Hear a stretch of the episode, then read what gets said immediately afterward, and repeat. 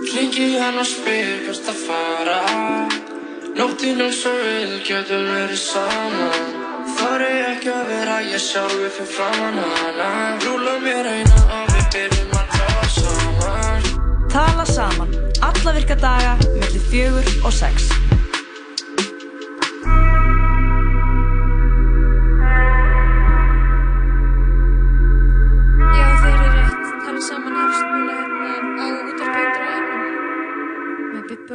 á þessum fallega þriðdegi. Það er solis og eh, já, við ætlum að vera hérna með þér kærlistandi til klukkan 6 í dag. Uh, fyrsti oktober daglóa, hvernig finnst þér uh, það? Fyrsti oktober, já, útborgunadagur, haustið, formlega hafið sko, ándjóks. 1st of October, bara 30 dagar í Reykjavíku, já, ég veit, það er klikkað. Þú veist, erstu að tala um Reykjavíku búinn? Nei, ég veit bara það er í dórstafesta, þannig að þetta er ekkert flókið reiknistæmi, en, en það er gaman að sirkuleg vera komin í írmánuður, það er svona nýtt upphaff og ég er alveg sammálar, þú veist, haustu er officially byrjað núna. Já. Og eiginlega svona þannig að maður kannski hvíðir ekki lengur fyrir því, skilur þú? Nei, maður er bara komin í rútinu, maður já. er bara að gera sitt, skilur þú? Mm -hmm. Og líka það sem er skemmtilegt við oktober, að það er spooky season. ah, Veistu hvað við, Mhm. það er þetta, veist, þetta... Tvær sængur á kvöldin, sko. Þessi hrekkjavaka Mm er, þú veist, það er bara tilvælega bara að horfa á hryllingsmyndir, það er meitt hryllingsmynd að þema og riff sem uh, við erum náttúrulega eitthvað eins að fjallum og, og svona. Þetta er, já, þetta er, þetta er rétt, þetta er spooky season og svona fólk er að, já, líka svona svolítið að, uh, hvernig get ég orðað þetta, þú veist, koma sér svolítið svona cozy, þú veist, gýr fyrir, fyrir hérna veturinn og einmitt tvær sængur, skilur þú ert að fara, bara, þér er að fara að líða vel þegar þú færir upp í rúm. Ekki tveir kottar, heldur tvær sængur. Tveir, nei, já, Tvær sængur. tvær sængur, en já, ég, sko, málega því að það er alltaf svona þegar september er að koma að fyrir hlutin er bara ennþá eiginlega svona ágúst, skilur þú, ennþá eitthvað svona að var að byrja í skólanum, var að byrja þarna, Maður er að reyna að sleppa takin á sumrinu og Já. það er svo vant. og það er ógeðslega erfitt á Já. kvíðavaldandi að hérna að eh, já, vera einhvern veginn svona ekki beint sjá fram á hvernig hausti verður sem er framöndan Einmitt. en þegar núna, þú veist, það er þá eru þessar fyrstu, eða setjum tvær vikur í september búnar Mhm. þannig að núna er maður komin í þetta svona, já ok, ég veit hvernig næsta vika er Mhm. Af því að það er bara haust og maður er svona kannski komin í, einmitt, rútínu Rútína. rútínan er fín, ert þú rútínu kona, Lóa? Uh, já, eða skilur, ég myndi segja að það væri mjög nöðslegt að vera í rútínu, annars líður manni illa. Já, En það er líka nöðslegt að brjóta hann upp á til, þetta er bara svona. Mhm, Ég held líka sko, þú veist, rútína það er ekki að vera þannig að allir dagar séu eins eða allar vikur séu eins. Mér finnst það bara svona að þú sem í veist hvernig dagun verður, að þú planar daginn það eins eða þú veist, setur upp vikuna eins eitthvað svona, en ekkert Mhm. allar hlutinir sem að er að fara að gerast séu nákvæmlega eins. Já, Þegar þú kemur inn alltaf með sama uh, rétta hugafærið. That's true. Herru, við erum ymmit að fara að tala aðeins um hugafar hérna eftir eða, það ekki, við erum að fara að fá í viðtal til okkar tvo drengi Jú. sem eru að fara að keppa í glímu. Heldur betur, það er, uh, já, Kristján Helgi og Haldur Logi, þeir eru báðir að æfa glímu eða jujitsu upp Já. í mjölni Jiu-jitsu. og eru að bæða að kenna og þjálfa og, hérna, og æfa á fullum.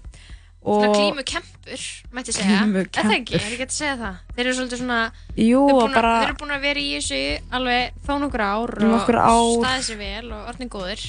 já, ennþá, ennþá ungir og enn og eftir, að glíma er svona sport sem þú getur verið lengi, lengi, sko. Þeir eru að nóg inni. Já. En þeir eru að stefna út um helgina á mót og við Mhm. ætlum tala við um það, tala uh, um svona hvernig hugurinn er og líka bara spurja um, svona auðveldra spurninga um glímu. Bara aðeins að forvitnast. Glíma fyrir byrjandur. Þú veist, bara, er maður, veist, er þetta ógeðslega erfitt sport, er maður ógeðslega náinn einhverjum, hvernig er þetta, Mhm. af því að maður er svolítið bara, þú veist, einn á mútið einum í nokkrar mínútur eða sekundur og Mhm.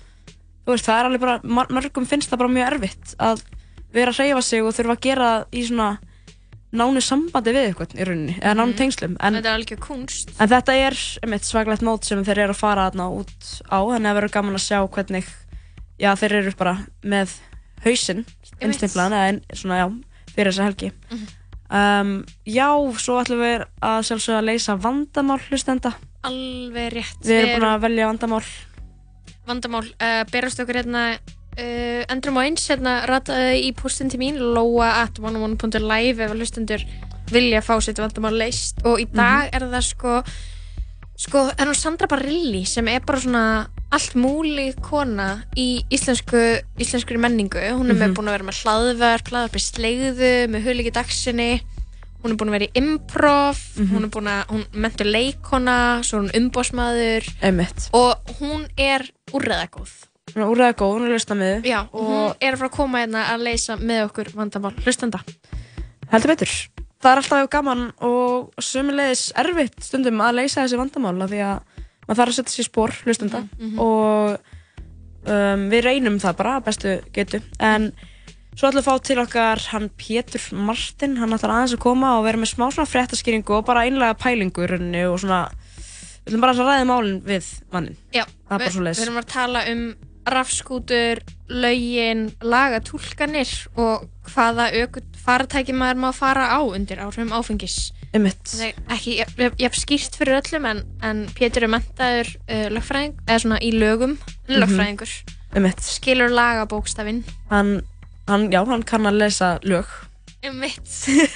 og svo er það auðvitað bara frettir og góð tónlist í dag og Já. við ætlum bara um mitt að vinda okkur í glímustrákana. Fyrst ætlum við að hlusta á uh, lag sem er smá skemmtilegt sko. Þetta er hann að lagi Don't Call Me Angel sem er hann að Charlie's Angels lagi með Del Rey, Mhm. Miley Cyrus og Ariana Grande. Ekki bara heyra það? hlustum á þetta lag og fáum svo Halldór og Kristján inn til okkar. Mm. Það er einhver teknilegir örleikar hérna hjá okkur Já. í stúdíónu. Það eru teknilegir örlegar. Ég var að fá mér nýja tölvu. Ef ekki bara aðeins að... Uh, Tjekka á þessu hvort það fara í gang. Annars bara finnum við hana lag og uh, já, gýrum okkur í gang fyrir þennan þátt sem er hérna framöndan. Já, setjum á annar lag. Jæja, við ætlum að fá að hlusta á annar lag.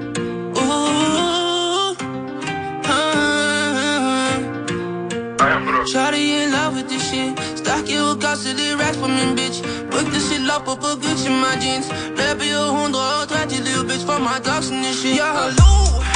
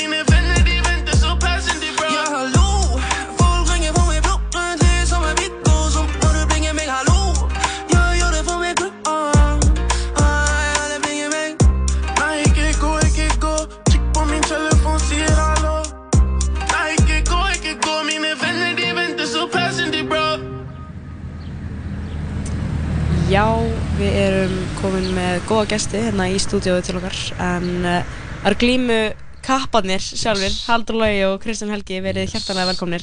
Hella fyrir það. Takk fyrir. Hvað segið þið þá? Bara þéttur sko. Aldrei betri. Aldrei verið betri, það er Aldrei, bara svolítið, aldrei. ok, það er mjög gott að heyra.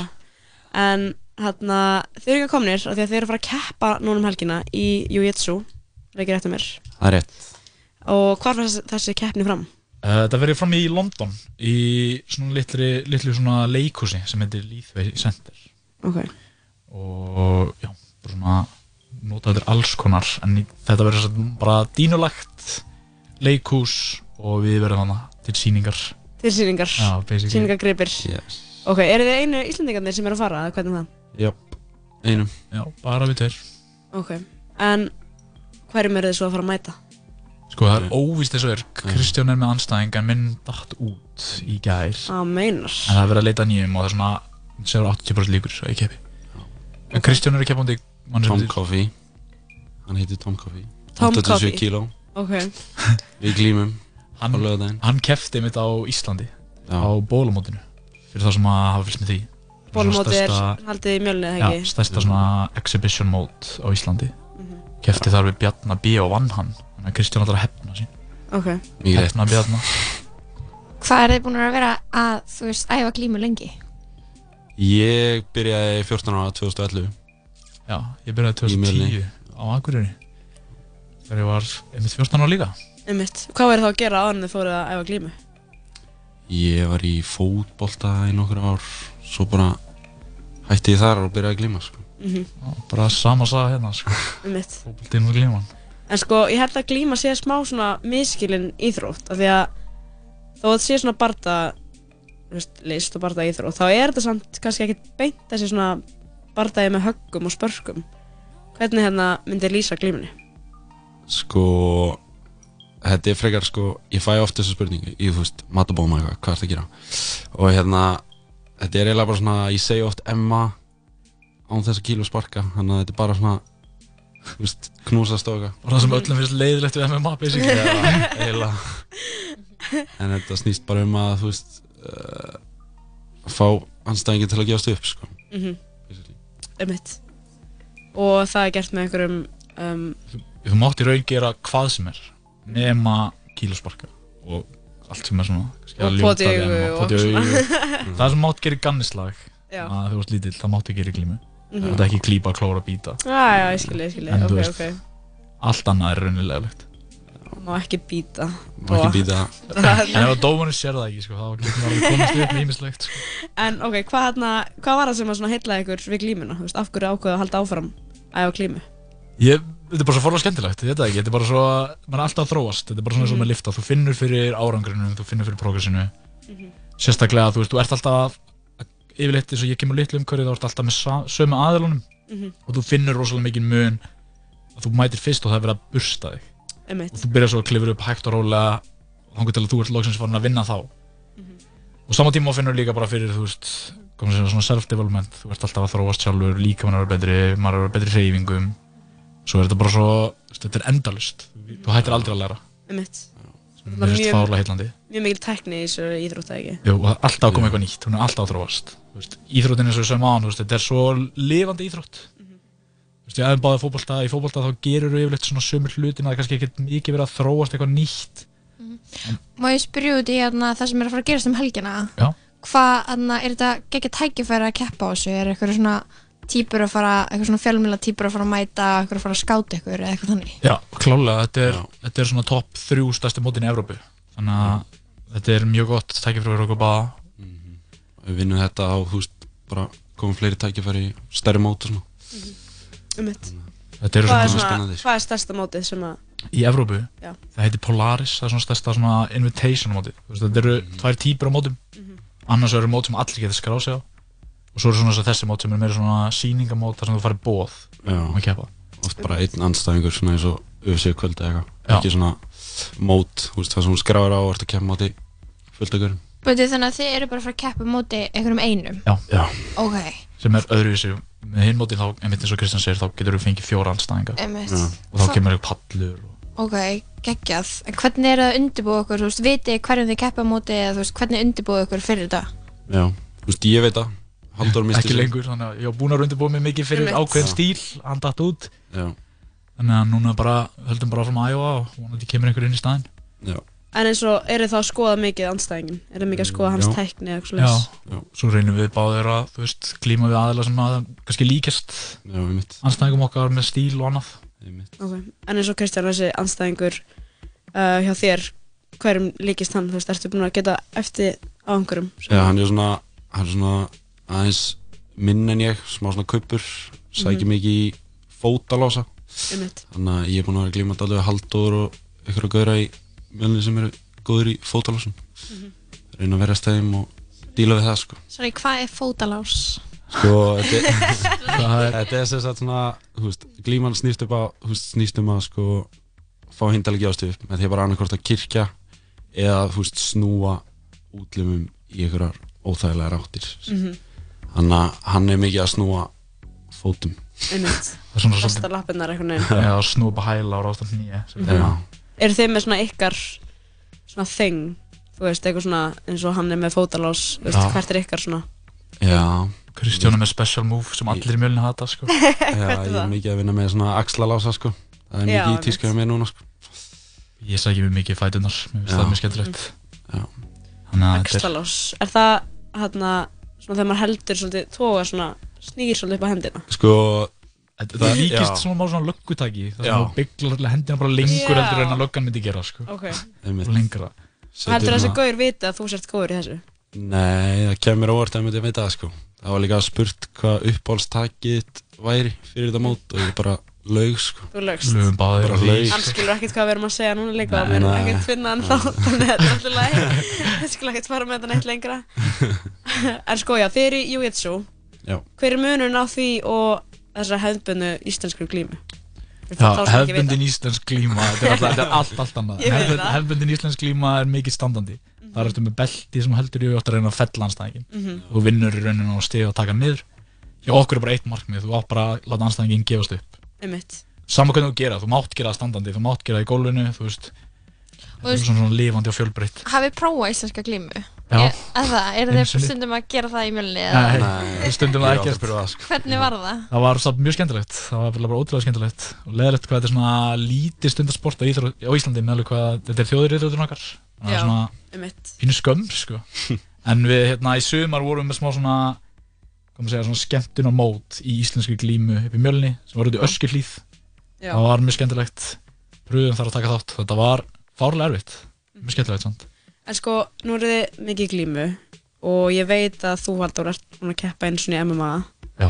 og þú gætir hugsaðar að gera það. Hefur þú keppt? uh, Ég hef ekki kæft í MMA En, er eh, þetta þannig? Þú veist, þróast glíman oft út í að maður fari í kannski MMA eða eitthvað slags? Já, voru klálega held ég. en sumir líka bara eru bara glíma sko. Já, þetta er, þetta er að skipta svo mikið tvend Já, Ég held að í gamla daga það var svo lítill peningur í Jiu-Jitsu. Já, að fólk varð eiginlega að fara í MMA ef þau vildi fá eitthvað út úr þessu Núna er það alltaf svona eins og með þessi mót sem við erum að keppa og þú veist, þá er verið að borga þetta er orðið meira sjó og þetta er orðið svona meira kannski svona geta allir horta á þetta áhörnavænara með þessum svona nýja stíl sem er að þróast yfir í. Okay. En hvernig gekk um, í MMA? Var það- Umlega, ég er búin að keppa tvisar og hefur rótaði tvisar Ok. og hann hefur bara hann tvisar sinum heimskari Ég er orðin svona 25% hilskari allavega. Ok, ok, ok. En hérna, ok, við að hlusta á eitt lag og halda svo aðeins áfram.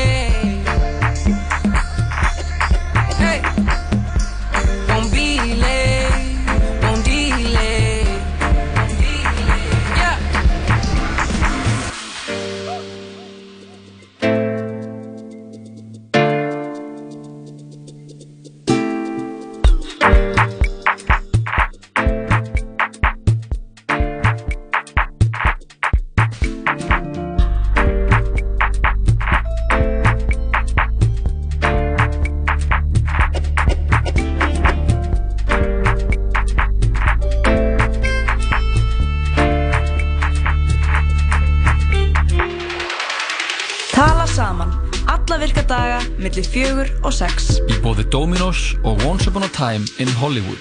Komin í bíó. Í dag er... Þið viti alveg hvað dagur er í dag. Dominos! Frá framleiðendum Hjartasteins kemur ný, margvælunuð kvikmynd með yngvari E í aðalhutur. Það er að fallega svo.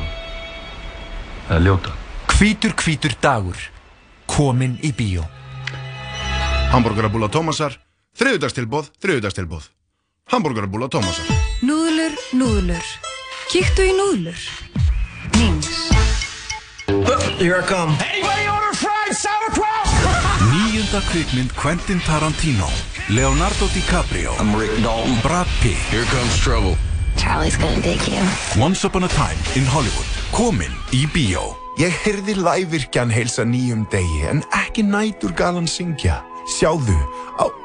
Veitu fyrir ekki, hérna, er textin allur svona í leikritinu? Eh, Nei, nei, þetta er nú ósköp bennulegt leikrit, sko, en þetta, þetta kemur svona á milli. Ah, ég skil. Shakespeare verður ástfangin. Frumsýnd 4. oktober í þjóðleikhúsinu. Hlustaðu á okkur á netinu á 101.life. Já, við erum komin aftur og glímukapparnir eru ennþá hérna hjá okkur, Halldór og Kristján og við erum að tala um glímu af því að þið eru að fara að keppa í glímu núna um helgina, ég veit svo um, Mikið stuð, hvenær farið þið út? Fimmtudaginn. Fimmtudaginn, til Breitlands Hvar, Hvar fyrir þið fram segir, í London? London. London London, baby. Nice London calling. Ok, ég er með spurningu um glímu. Eru þið í glímu út af því að eitthvað langar bara að snerta eitthvað? Já. Sko, þetta er er svo góð spurning að ég held að nándin sé ótrúlega góð sko. Þú heldur að sé sumir Ég held að sé alveg klárlega En þú veist, ég, ég efast um að sé einhver svona leini perrar Já. En við veit það ekki, Já. þeir gæti leinst inn á milli Gæti En verið, sko. við náttúrulega þráum alltaf þessa nánd Mhm. Þú veist, Þess vegna knúsum við fólk og annað Mhm. Við erum í raunum bara svona aggressíft knúsast Já. Ég held að það sé alveg gott fyrir mann Svona andlega líka Já, En ég held að sé ekki, ekki út af því sem ég sé að æfa glimmu þetta er svona í okkar náttúrulega eðli að vera náttúrulega eitthvað Já, svona líka bara Takast á, að, að takast á og þú veist, við erum búin að gera þetta síðan við sem bara upp að mannkynsins Ykkur finnst bara næs að vera með eitthvað tá- tásur upp í Já, mér finnst það bara kósí Ég sko. var samt ekki eitthvað 14 ára bara hvað tjóðlega með að snert eitthvað Það er En ég held að það ángrís að, það- að það tvinnist alveg klálega með sko. Þetta er eitthvað svona í okkur sem að vill fá þessa nánd sko. Einmitt. En nú erum við búin að æfa þetta í svolítið tíma og þú veist, maður er alltaf með smá keppniskap og sérstaklega í svona, þú ert bara, það er alltaf bara einna mót einum í rauninni. Eru þið með eitthvað svona innan annarkvort Mjölnis eða einhvers staðar sem er bara því að hati að mæta? Þú veist, þeir eru eitthvað svona Situr á mæta móti mér, æfingar, sko. það er eitthvað svona ó, ég er ekki, þú veist, þið, þið feiki kannski að vera Á það sem er bara leiðilegt að mæta. Já, eða þú Ekki svona er það, rivalry, meira bara svona er leiðilegt Já, uh, Ég veit það ekki, en þú veist, það er náttúrulega klárlega þá er svona, svona þú veist, að því að maður er alltaf maður mann, maður er alveg að velja með hverju Mhm. maður æfir og maður segir alveg ítrekka nei já, þú veist, þú hefur alltaf það val já, já, já. Já, meira svona æfingum Já, en ég veit ekki hvort mér finnst bara einhver ömulur, ég myndi ekki segja það Nei, nei, nei Nei En eru þeir svona rivals? Hvað, hvernig segir maður það? Keppinautar? Já, Er ég held að sé að verða svo leiðis En svolítið góðan átt Góðan átt, gott að hafa einhvern Já, sem pussar mann áfram, sko. Þeir bara peppa hvern annan áfram í stæðin fyrir eitthvað svona Kristján vann mig líka á síðasta móti þannig að núna þurfum við aðeins að fara keira þetta upp sko. Keppið stundum við stelpur eða er þið meira bara svona klíma strákar við stráka? Á æfingum? Já. Bara alltaf Æfingum Bara klálega Fullt af stelpum Hvaða stelpa er best Eh, að klíma við? Þú segja að það væri hún Inga Birna Já Hún er uh, frábær Gera mjög góð hluti En hérna, ok, hver er svona Er, er til eitthvað svona Ok, nú er ég náttúrulega bara að tala um út frá crossfit, þú veist, það er þess bara svona Rich Froning og bara svona gaur sem allir elskar crossfit og svona góðið Já, þar já. Hver er svona glímu góðið?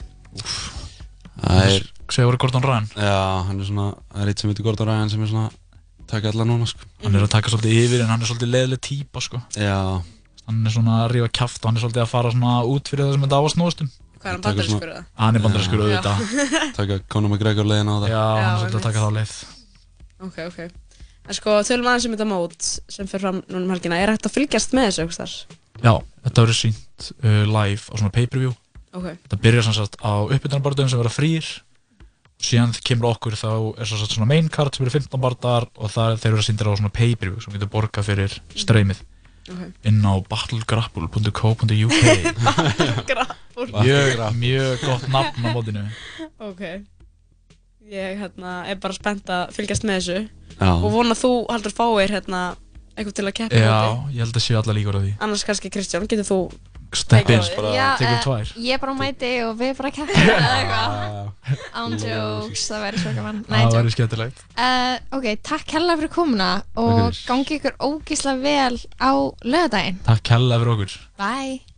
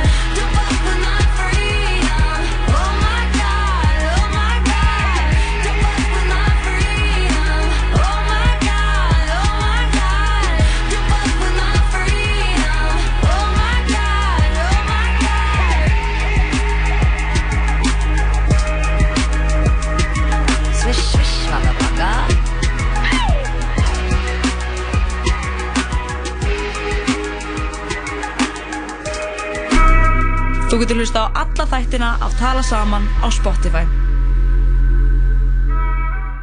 Já, það er tala saman sem heldur áfram hérna. Nú erum við komið með annan góðan gest og við ætlum að halda áfram í um, að spjalla.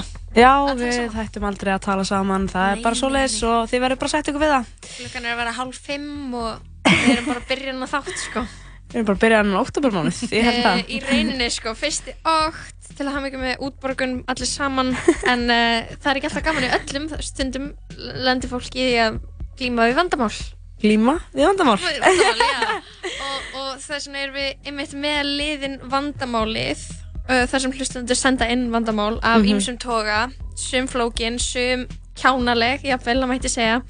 En, uh, en við erum komið með góðan gest til okkar, það er hún Sandra Barilli, verður hjartalega velkomin. Takk hérlega fyrir. Sandra Barilli, þú ert, ég kynnti á hans að svona allt múli konu. Já, það er bara mjög Er það ekki? ável við, jú. En fyrst og fremst það ert að taka húsið þitt í gegn. Já, Já. Ó, heldur betur. Það er meira þess að ég er búin að vera svo dugleg, ég er búin að setja sko allan prósessin á Instagrami mitt Mhm. og vista það í highlights. Og Einmitt. þegar þetta er búið að vera í gangi síðan í mars, á ég ekki bara að tala um þetta? Jú, jú, þetta er byrjum. vandamál sem Jú, einhver er að feysa. Og hérna, ég var semst að rífa niður burðavegg og setja nýtt eldús í bara svona lítill íbúð. Og hérna, þetta er búið í gangi síðan í mars og ég, bug, ég er búin að bugast svona 80 sinnum. Mhm. Þar sem ég bara svona, ég get ekki meir.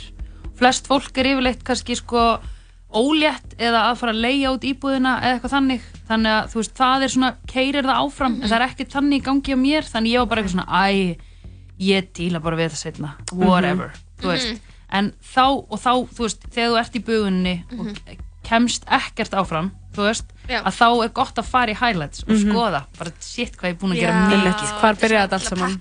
Já, bara svona eins og lesa æfisöguna sína reglulega, eða Mhm. síðustu mánuði. Það er, það er sko fáralegt því að þegar þetta byrjar þá er maður fyrst, því að ég er að fylgjast með þessu, þessu Instagram og bara, þú veist uh, ég, ég veit ekki hvort þetta er skemmtilegt útvarsefni en ég vil svona segja, maður byrjar maður eitthvað ok, hún er að rífa niður vegg og það er satisfying Og maður er eitthvað, Já. mm, já, rífa henni ekki niður. svo mikið og svo maður bara eitthvað allt í einu út af því að maður er búin alltaf sjá þetta story skilur Já. nokkur sem í viku og maður er alltaf í norðin investið á að íbúðin verði fín Já. er ég vona að þetta komi vel út. Já þetta hefnaðist æ, hún lendi vissinni með ískapin já, hún reddaði. En þetta er Oh alveg my rétt, þetta eru eflust vandamál sem að margir eru veist, að glíma við af því að einmitt, líka Framkvæmdir, einmitt. jafnvel sko fólk sé bara að hugsa um að fara í framkvæmdir og þóra ekki alveg að þá kannski er þetta insbá Algjörlega, og ég vil meina það að sko þegar þú horfir á einhvern framkvæm eitthvað heima hjá sér Mhm. Þú veist eins og til dæmis bara þrýfa eða whatever þá líður þér smá eins og þú sért að gera það heima hjá þér Já eða þú veist, Mm. ég er allavega sant, sko. upplifi það sko. Ég upplifir svona meira, mm, ég þarf að fara að gera eitthvað hérna líka þú Já, veist. já, já. Ég fyrir svona, mm, já, ég þarf að byrja eitthvað, þú veist Maður er kannski einmitt að fresta einhverju En Einmitt. allavega, þegar þú ert ekki að um, já, taka íbúnaðinni í gegn Nei. þá ertu verkefnastjóri hjá Alda Music Já, satt? það er ég sé bara um, já, svona verkefnastjóri fyrir ný, nýja útgáfu Já. Og Bara um- podcastari. Ég er með besta íslenska Buffy Slayer podcast á stór höfuborgarsæðinu Ú, pælum við Yes, með uh, vini mínum hugleiki dagsinni. Hvað verður um slegðu þegar hugleiku flytur út? Um, farið í dvala. Æ, sorry. Já, Er ég þetta veit sárt? ekki, við erum ekki búin að ákveða það einu sinni. Æ, Sko, við erum ekki búin að gefa út núna, við erum sko í annari seri af Angel sem er spin-off af Buffy the Vampire. Slayer. Mhm. og við erum ekki búin að gefa út alla aðra seríu, við erum búin að taka hann allu upp þannig að við eigum þrjár seríur eftir að því. Ok, ok. Og ég veit ekki, ég er bara eitthvað svona býð eftir að hann kaupi flug fyrir mig af því hann er eitthvað svona, kottið til Berlínar og við getum tekið upp sex þætti og ég er eitthvað svona mikið waste eitthvað að fara til Berlínar og taka að horfa sjónvarp og taka upp podcast. Það er sé samt algjör gaman. Hljómar þetta, hljómar þetta frekar vel bara? En. Ok, en hinga ertu komin til að leysa vandamál. Já, já, totally. Þú atna, gerur það stundu fyrir vinina? Já, já mjög. Já, Og- leitar fólk til þín Já, bara. Mhm. sérstaklega það er í ástasorg og eitthvað svona. Ok, ok, ok. Þá er ég alltaf bara eitthvað, ó, svo gott að upplega tilfinningar þá veistu þú ert á lífi. Mhm. já, nákvæmlega og þetta er fólk bara, ó, þetta er svo satt. Það er enda rétt. Vá, það er mjög rétt, vá, það byrjar svo vel. Ok. Þetta er bara eina bomban mín. María, dag. þú fegst eitt vandamál, vilt þú ekki bara byrja, þú byrjar bara að lesa og ég og Sandra ætlum að hlusta. Við ætlum að lesa þetta vandamál og svona ná svolítið vel utanum það og svo ætlum við að reyna, já, einmitt Og leysa úr því. muna, muna banna að dæma, ég er samt svo sem er mest í að dæma svona almennt en ég er meira, meira að segja þetta við sjálf á mig sko. Og ég er alltaf að afsaka lúu. en já, hér, hér um, er vandamál frá hlustenda. Kæra tala saman. Ég hef verið að reka mig á það síðustu misseri að ég er kannski full hóvær og mér langar dálítið að fara fram. Hóværð er góð en kannski ekki, nei, kannski full mikið af því góða hjá mér. Það er ekki gaman að vera með einhverjum sem er montinn en ég er bara of hóvær. Ég á erfitt með að segja nei og ég vil geta sagt um, við sjálfa mig, nú stóð ég mig vel, því ég bara geta ekki núna. Ég ljósutaði fyrir vinn minn um daginn og hann sagði ekki takk og ég sagði, Jónas, nú stóð ég mig bara mjög vel. Og hann sagði, já, þú gerir það með svona kaltannist tón. Hvað á ég að gera til að minka hóværð og vera ánæri með sjálfa mig? Ok. Spyr þessi hlustandi. Þetta er, þetta er vandamál sem að, þú Já. veist, er vandamál bara. En ég meina, þetta er bara, ha- þið hafið hrósa mannesku sem að segir ekki takk. Eða það ekki? Hafið ekki lent í því að Mhm. segja bara, mikið lítur vel út í dag eða eitthvað svona og fólk bara eitthvað, æ, guð, ég var bara ó, með gubbupest um helgina. Eða eitthvað svona, sko. Uh, já, ég er svona, fólk, Ég líka ég get ekki svona. svarað. Já. En þú veist, það fer líka eftir hvað það er. Að því að stundum er maður svona, ert að hrósa einhverju bara því þú ert að segja eitthvað eða Já. ert að hrósa því í alvörunni. Sumt hittir í mark og maður er bara, oh my god, takk, kannski varst geðað lengi að gera hárið. Þá finnst það mjög gaman frá hrós. En ef það er eitthvað svona bara basic, bara buksurnar sem maður er að vera í samt í tvær vikur, skilur, þá er maður smá svona, mm, nei. Segi, ámar, ámar alltaf að segja takk fyrir hrósi eða? Sko, ég, það, ef þú gerir það, þá getur orðið vélrænt, held ég. Ef þú ert alltaf bara eitthvað, takk, þú veist. En ég held allavega svona að taka það inn. Það er Já. ófæslega skrítið að hrósa og fólk tekur það ekki inn. Sérstaklega því ég kannski líka, yfirleitt þegar ég hrósa þá er það innlegt, eða þú veist, þá kemur það frá hjartanu. Já, Þú veist, að því ég nenni ekki að segja eitthvað næs. En það er eitthvað svona þeng ekki. að geta ekki tekið hrósi, sko. Mhm. Eða þú veist, Já. og eða þú veist, ég er alltaf bara svona, ég myndi segja að þegar ég fær hrós og, og segi ekki takk, þá er það þegar ég er svona að hugsa um það Mhm. og veit ekki hvað rétta svarið er. Já. Þannig Mhm. í staðinn kemur bara þögn. Eða skilur bara, Já. að það var ógslag gam, já, ég kom með svona me mekanist svar við ef ykkur hrósar, þú veist, vinnunum minni. Já. Það er bara, oh my god, takk fyrir að hlusta, eða skilur, Já, "Vá, já, takk já, fyrir já. komuna, það er bara svona svarið. Veist, Og það er ekki að hugsa um það. En sko í þessu, Ah, uh, tilfelli hérna, þá er aðlinn raunin, hann á bara erfitt með að hrósa sjálfum sér. Hann á erfitt með að Já. finna, þegar hann sjálfur er kannski, einmitt, eins og ég er að tala um, veist, þessi, þessi vinna sem hann kannski leggur í eitthvað og maður vill fara hrós fyrir, að hrósa sjálfum sér og finnast það flott. En þarna þá greinilega stend stígur hann hans upp og segir bara, ég stóð mér nú bara freka vel, Já, það var einmitt. greiði, skilur, ég var ekkert að gera þetta, Já. mér finnst það kannski bara gaman. Einmitt. Þannig að hvað er svona, um, Ég held maður megi alveg kalla eftir takki stundum sko Mhm. líka Þú veist, sumt fólk áhókslega erfitt með að segja takk Mhm. Það sýnir þakklæti á annar, aðra vegu sko, það getur líka verið það Já. Ég var einu svona eitthvað svona uh, Já, ég áttaði mig á, á því að vinur minn kann ekki að segja takk Eða þú veist, hann kann það en hann segir það alveg bara svona á vel völdum stundum Já. Skilur þannig að stundum er maður bara eitthvað segðu takk, Mhm. þú veist Já. inn í sér sko Einmitt. en, og í þessu, þetta tilvík hljómar svolítið þannig Mhm. þú veist, hvað var hann að ljósa þetta eitthvað? Já, var, ég hjálpa honum, já, með að ljósa þetta. Smá fyndið dæmi.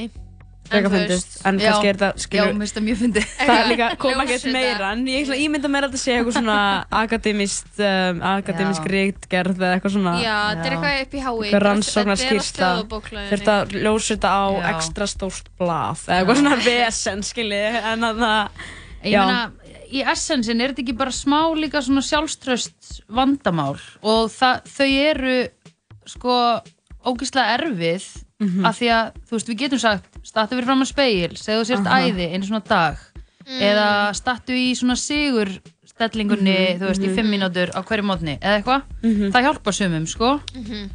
af því að við erum bara líkamar okkar eru bara mekaník, sko En þetta er, en þetta er svo ógeðslega mikil hugafarsbreyting sem það er þessu stað. Þetta er Einmitt. bara, þú veist, ok, það var eitthvað svona live masterclass í hörpu, það sem var eitthvað, þú þarfst að segja þetta og þetta og þetta, bú bú bú við þig, skilur en þú þarft í alvörun að vera bara, þú veist, taka sjálfa þig gett í sátt og byrja að elska þig, sem er Einmitt. ekki eitthvað sem þú gerir með frösum. Nei, nei, Einmitt. alls ekki Og þú sko. þarf þá ekki bara að standa fyrir frá speilin einu sinni ef það kannski virkar, þú þarf að gera það svolítið oft til Já. þess að þetta stimplist alveg ekki bara inn fyrir þennan, þetta, þennan næsta klukkutíma eða eitthvað svoleiðis. En þarf maður ekki líka að vera að gera eitthvað sem manni finnst cool? Eða skilur, Jú. eða það sem manni er stoltur af Væntalega ef maður hóvar, ef maður, ef maður er alltaf eitthvað allan daginn eitthvað Með impostor syndrom Já, Já. Með, með impostor syndrom eða þá að gera eitthvað svona sem manni finnst ekki sjálfum vera ekki merkilegt og líka bara vera, þú veist, finnast maður að vera góður í einhverju. Nákvæmlega, það er Og maður þarf ekki að vera yfirbúra góður, maður þarf bara að vera fær og það þarf ekki að vera flókið, sko. Einmitt. Bara finnast maður sjálfur vera eitthvað duglegur að ekki mæta einhvert. Það þarf ekki að vera meira en það, sko. einmitt. Ég held allavega að þessi manneski ætti ekki að vera svona ógísla hörðu við sjálfa sig sko. Nei. Allavega bara svona aðeins að klappa sjálfur sér á bakið kannski bara, þú veist sjálf, mm -hmm. fattur Algjörlega Heldur betur. Algjörlega og það er ábyggilega líkillin að því að síðan þú veist ná einhverju meira achievementi í að vera ekki svona hóver Já, sko. og svo líka oft kannski bara fólk sem að, þú veist, ég veit það ekki, kannski vill maður ekki rósa að maður meitt heldur að aðalann sé alveg sama, en oftast getur hrós Já. bara skipt frekar miklu máli saman hvernig hinn aðalann svarar, sko. Klálega. Við ætlum að hlusta lag Já. og leysa fleiri vandamál með Söndru Barilli Já, bingo Er Billie Eilish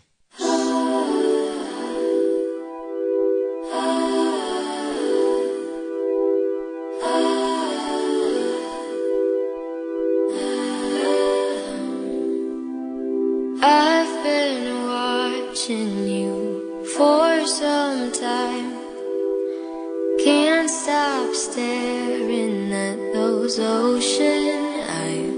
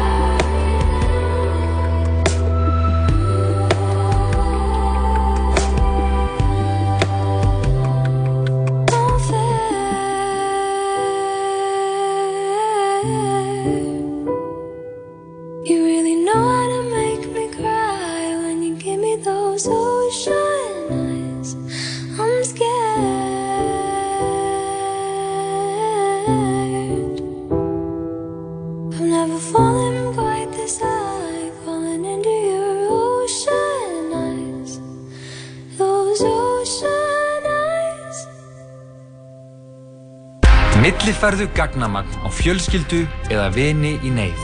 Sambandi. Símafélag framtíðarinnar. Mmm, þetta er góð matur. Skál, hlemur matöll. Það skiptir ekki máli hvort það sé bongo, blíða eða rigning. Sumarið er á Serrano. kíktu til okkar og prófaðu ljúffengan sumar burrito. Serrano. Fresh, happy, max. Já, við erum minna í tala saman með henni Söndru Barilli að leysa vandamál. Heldur betur, við um, erum búin að leysa, eða svona allavega, taka fyrir eitt vandamál hlustenda sem er svolítið svona hóvær og já, við, við fá meira sjálfstrust, Mhm. basically. Og við tölum um að það væri bara með svolítið svona hugafarsbreytingu, er það Já. ekki rétt? Jú, öll náttúrulega vandamál við leysast innanfrá. Mhm. Þú veist, við getum komið með ráðleggingar og Mhm. svo þarf fólk að taka þær og, og setja í farvegin. Sko. Og líka sko, þú veist, maður þarf, að ég veit það ekki, minnst oft svona eins og fólk þykist henni breytist eftir að hafa hlusta á eitt podcast eða lesa eina bók. Já. En þú þarft alveg, þú veist, að 100 bækur og 100 Já, segjum eins og bara með þess Já. að svefndót þarna, kemur einhver, einhver bók um eitthvað svefn og svo er allir bara að hlusta það og bara, já, maður verður náttúrulega að sofa bara miklu meira og er ekki eins og búin að sofa eftir þeir kláruðu bókina, æ, fatti, þú veist, þannig með svona Hvað er það eitthvað? að Why we hérna- sleep? Já, þarna Það er Matthew Walker eða eitthvað Það er og- allir með það, Why sem we er sleep. örgulega, Er það þú veist Ok. þetta, er eitthvað það svona, jú, þetta er eitthvað svona bókum, þú veist við þurfum átt tíma svefn og bara næstu svona ef þú ert búin að sofa minn en 8 tíma núna, þú veist, yfir æfina þá ertu eiginlega bara að skemma fyrir þér, maður er eitthvað svona Já,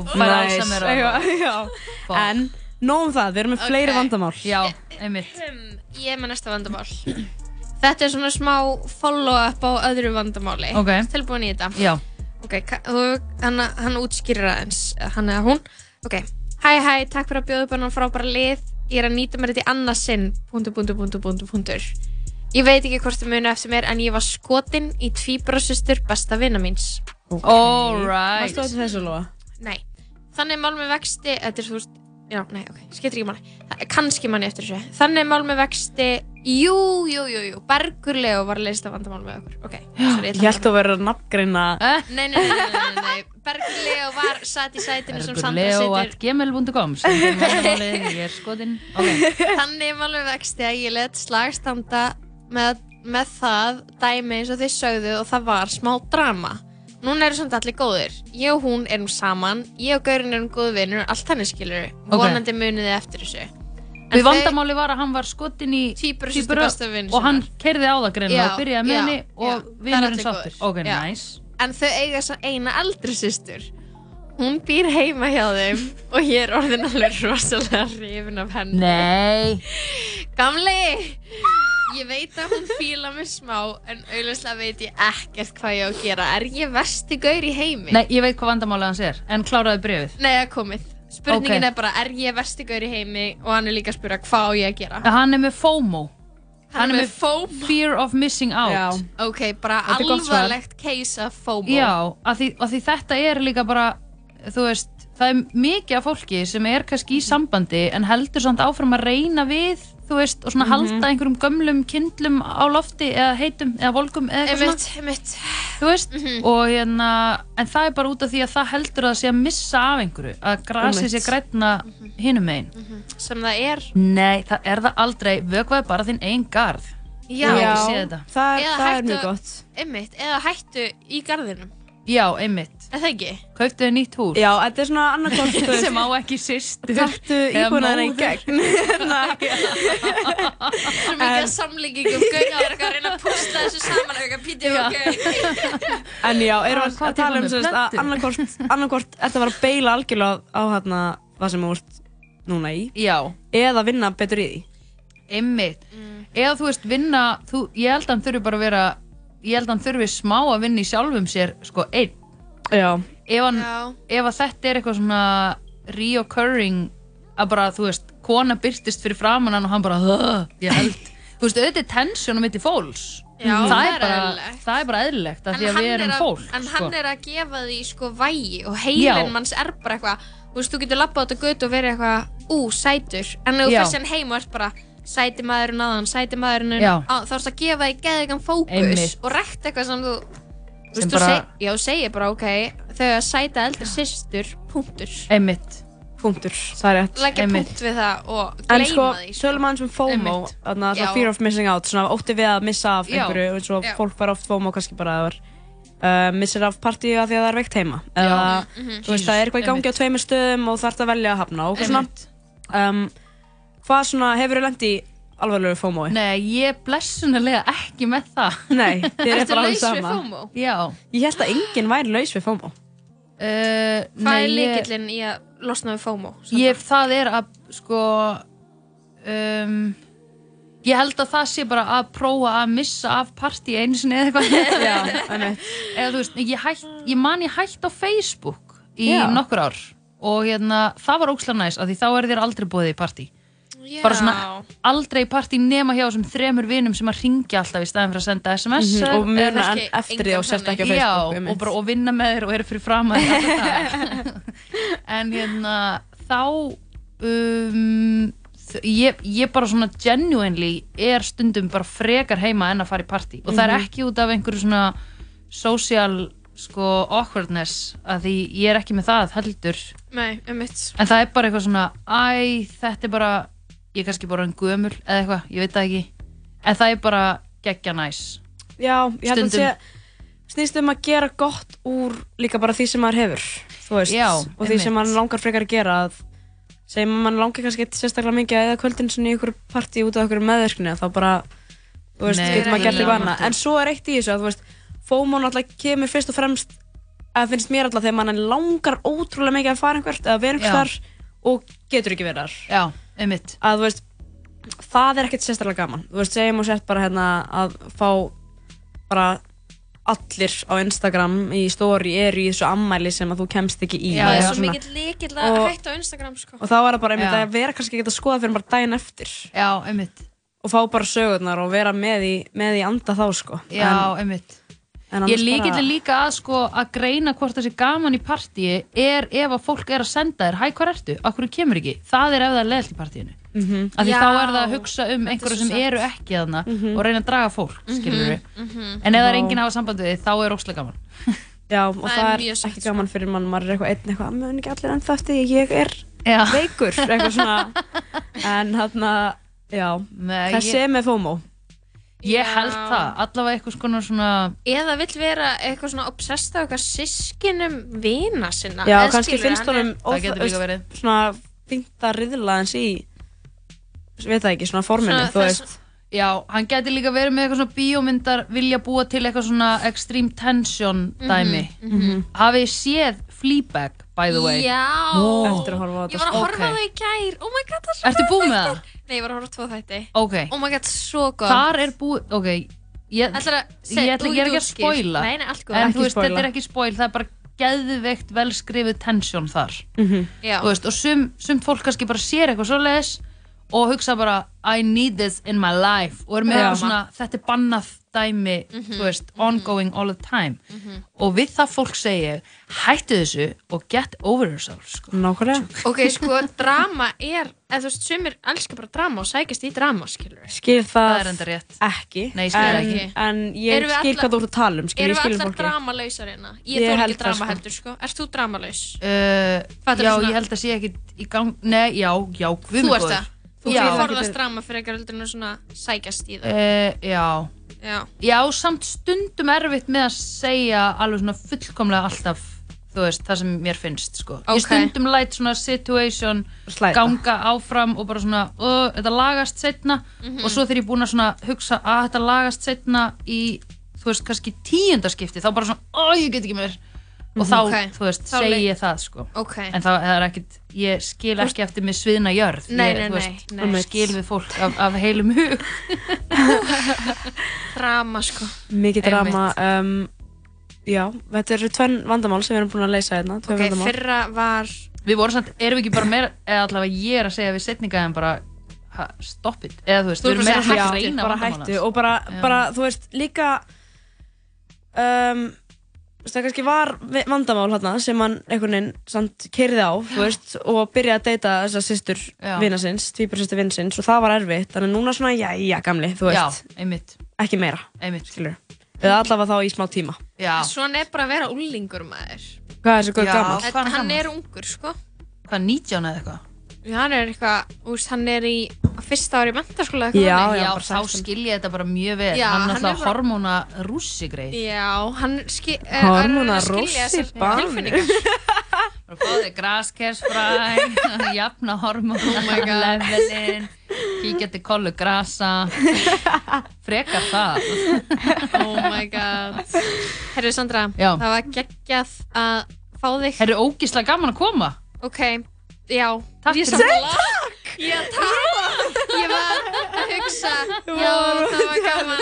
Ok, var gaman. Já, bara Við vorum að tala um áðan bara fólk sem að segir ekki takk. Það var gaman að koma. Ok. En það var Ég- yndislegt að fá því Ég Sandra. rugglaðist Takk fyrir mig. Og takk fyrir þessi ráð og bara þessar lífsreglur jafnvel Við ætlum að hlusta á tónlist og svo þegar við komum aftur þá var hann Pétur Marsteinina Ó ég Þakkum hann að Söndru Barilli kærlega fyrir hjálpina Takk, og takk, komuna og njóttu dagsins. Please me, baby. Turn around and just tease me, baby. You got what I want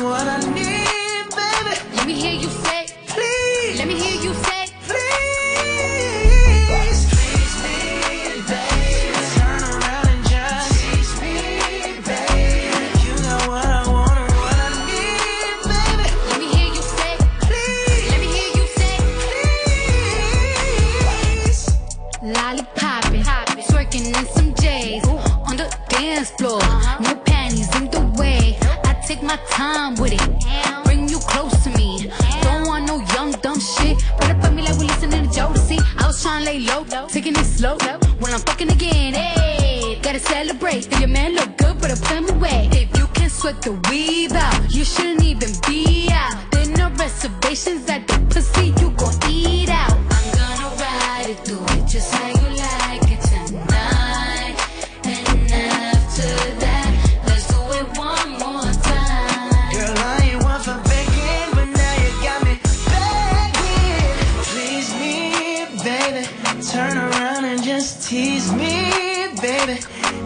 What I want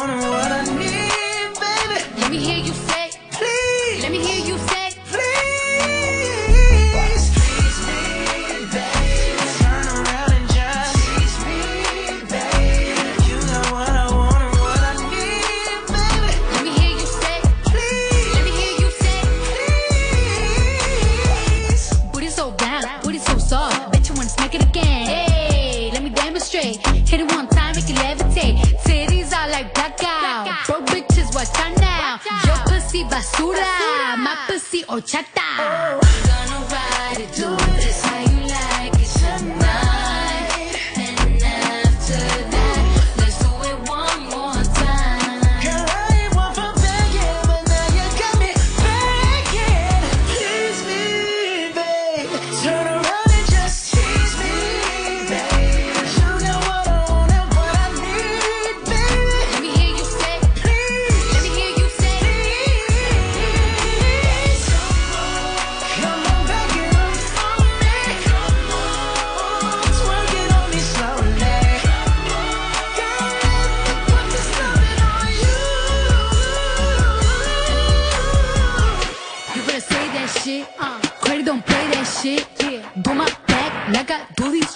Break that shit. Tease me, baby. Turn around and tease me, baby. You got what I want and need, baby. Let me hear you say, Please, let me hear you say. please, baby. Turn around and tease me, baby. Já, já, já Hvað, Bruno Mars og Cardi B með Cardi Cardi, let me hear you Please say Þetta er fínasta lag Fýnt lag sko, herru við vorum að kveðina Söndru Barilli, hún var bara að hoppa út og það var bara leystum þarna tvö vandamál og vorum að hlæja og spjalla og tala um íbúðarbreytingar og Já, eitthvað. ef að fólk vil þarna, fylgjast með þessum um, breytingum sem hún er að gera á íbúðin sinni sem að margir eru að fylgjast með og mar margir fá inspo af, af því að vera að fylgjast með henni þá er þetta sko uh, þetta á Instagram. Hérna, Sandra Barilli. En við það höldum áfram. Lóa. Býtu, eh, Hvað? Hún- eh, Hvað Æ, við þú að vorum bara að tala á nákvæmlega svona tíma. Nei, við erum að fá hérna annan gest uh, já, hingað inn í stúdíó eftir örskamastund það er hann Pétur Martin Hann er lögfræðingur. Hann er Og- ennlöfræðingur og meistari og uh, sömulegis þá er hann líka lausnamiðaður og svona um, já, er oft líka með kannski vandamál og svona pælingar í kjálfarið þannig við erum aðeins að fara að pæli því svona hvaða hvað, svona ráftæki og, og um, Já, kom upp, það var sérst ég og Jói Samgönguleiðir. Já, ég og Jói vorum inn í í gær og um, við vorum að fjalla um hana mann sem að sko keirði eitthvað túrista niður Einmitt. Það lá, upp, gru, lá grunur á því að hann væri fullur og væri að stýra hlaupihjólunum fullur Já, hann var á hlaupihjóli sem Já, Já. hlaupihjóli og við ætlum að spjalla við þetta um, og þessi lög uh, þessi umferðalagabrót hvernig þau eru skilgreind og pæla hans í þessu. Hvenær má maður vera fullur og, og hvenær ekki? Bara setja í samhengi, skilur, þú veist, við, ef við setjum í samhengi. Danina sem drekka ógeðslega mikinn bjór og eru hjóli, um, hvernig er þetta þar og hvernig er þetta hér og bara Pétur Martin verður með, með svörun held ég. hann verður komin hérna inn eftir öskamar stund. Við ætlum að hlusta lag. Það er hérna lagi Stikki Bubba Já, uh, hvaða lag er þetta? þetta er bara algjörst vibe lag, þetta er hérna svona cozy, cozy vibe. Endilega, til í það, gjör svo vel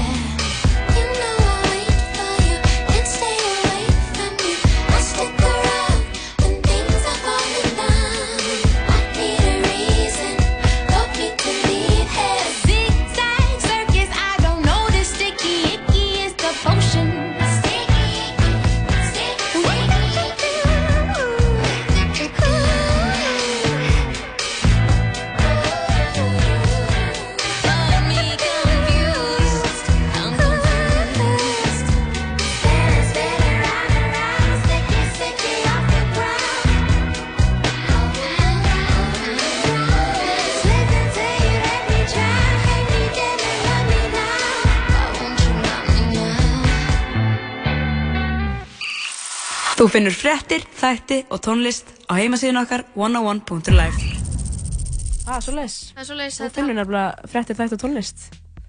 Jú, jú, og það er tala saman sem heldur hérna áfram með Bibbu, Og já. Birnu, Maríu og, og, og Lóðbjörn. Og við ætlum að tala um, ekki bara saman, heldur líka sama tíma, allan þáttinn. Það er nei, nei. svolítið mikið búið að vera í gangi. en við erum komið með góðan gest, það er Pétur Marsteinn. Kondu, sæl Pétur. Heilar og sælar. Uh, e, Pétur, erst þú á línunni? Ég er mættur. Nei, nei, ég segi svona hann að þú ert bara hérna beint fyrir framann nefið okkur. Já. Uh, ertu ferskur á því? Já, ég er bara nokkuð góður sko. Ertu slaggur? Er, er þetta alltaf vinni, eða? Bara- Alls ekki. uh, við langaðum bara að koma sérna inn á sem já, fína um, degi, 1. oktober, Útborgun? Útborgun, það er rétt. Það er stór dagur. Þú ert lögfræðingur. Já. Þannig að þú ert að sækja stóran póka Þú ert að-. Ég er að djóka. Rísastóran. Já, hann er ofinbyrra. Ég er að djóka, ég er að djóka. Uh, allavega, Pétur Martið, þú einna tvítar í dag skoðunðinni. Já. Hver er þín skipti. einlega skoðun? Lögfræðingur, þú ert að pæla í umferðalega brotum. Hva, hvað varst að segja?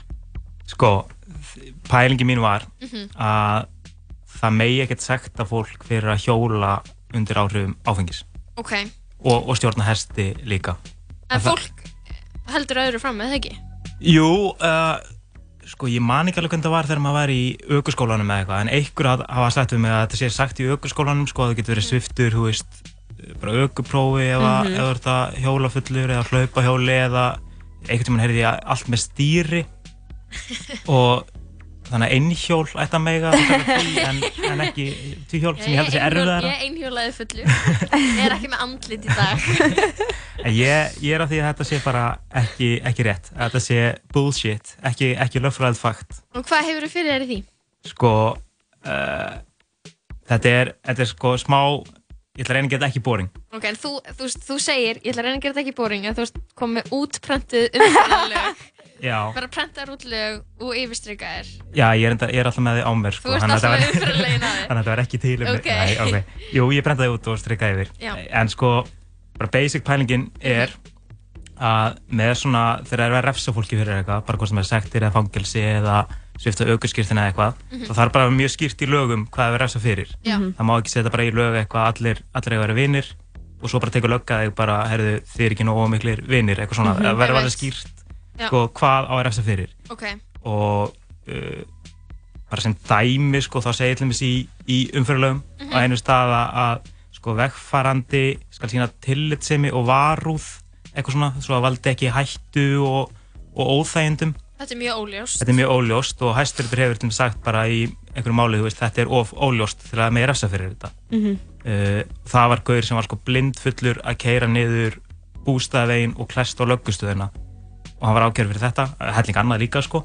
En Já. hæsturður sagði þetta er of óskýrt. Já, já, en svo var hann bara dæmdur fyrir, veist, allt annað sko. Að keyra fullur. Já, og klest á, slöggustöðuna og svona. Einmitt. og með hjólinn sko þar segir enginn má hjóla eða reyna hjóla eða stjórna eða reyna að stjórna hesti sem er gott líka sko uh, ef hann er undir svo miklum áhrifum áfengis eða annar örfanda defend efna að hann geti eigi að stjórna hjólinn eða hestinum öruglega Já, þetta er líka mjög... og þetta svona- bara segir mér ekki shit hvað ég má segir- gera og hvað ég má ekki gera Þetta segir basically að þú megi drekka og hjóla.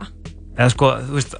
Þetta segir basically bara, það fer bara eftir hvernig hausin er bara hvort þú sett bara. "Heyrðu, ég er bara frög góður á því eða bara hvort sett bara eitthvað herru nei, nú ætlum ég að vera ábyrg ég ætla ekki að hjóla þú veist og það getur bara verið bara, bara dagsform sko bara ego Já. En er þetta ekki bara hvort þú sko. veist passed out drunk eða tipsy? Nei, það hefur nefnilega verið þannig sko að þegar að eitthvað svona refsi grein er, þú veist, óskýr Mhm. þá skiptir enga máli sko hversu langt yfir mögulega mörg þú farið þú getur verið búin að sko, þú veist drekka 5 lítra vodka en ef, ef greinin er óskýr þá má ekki refsa þér fyrir hana sko. Mhm.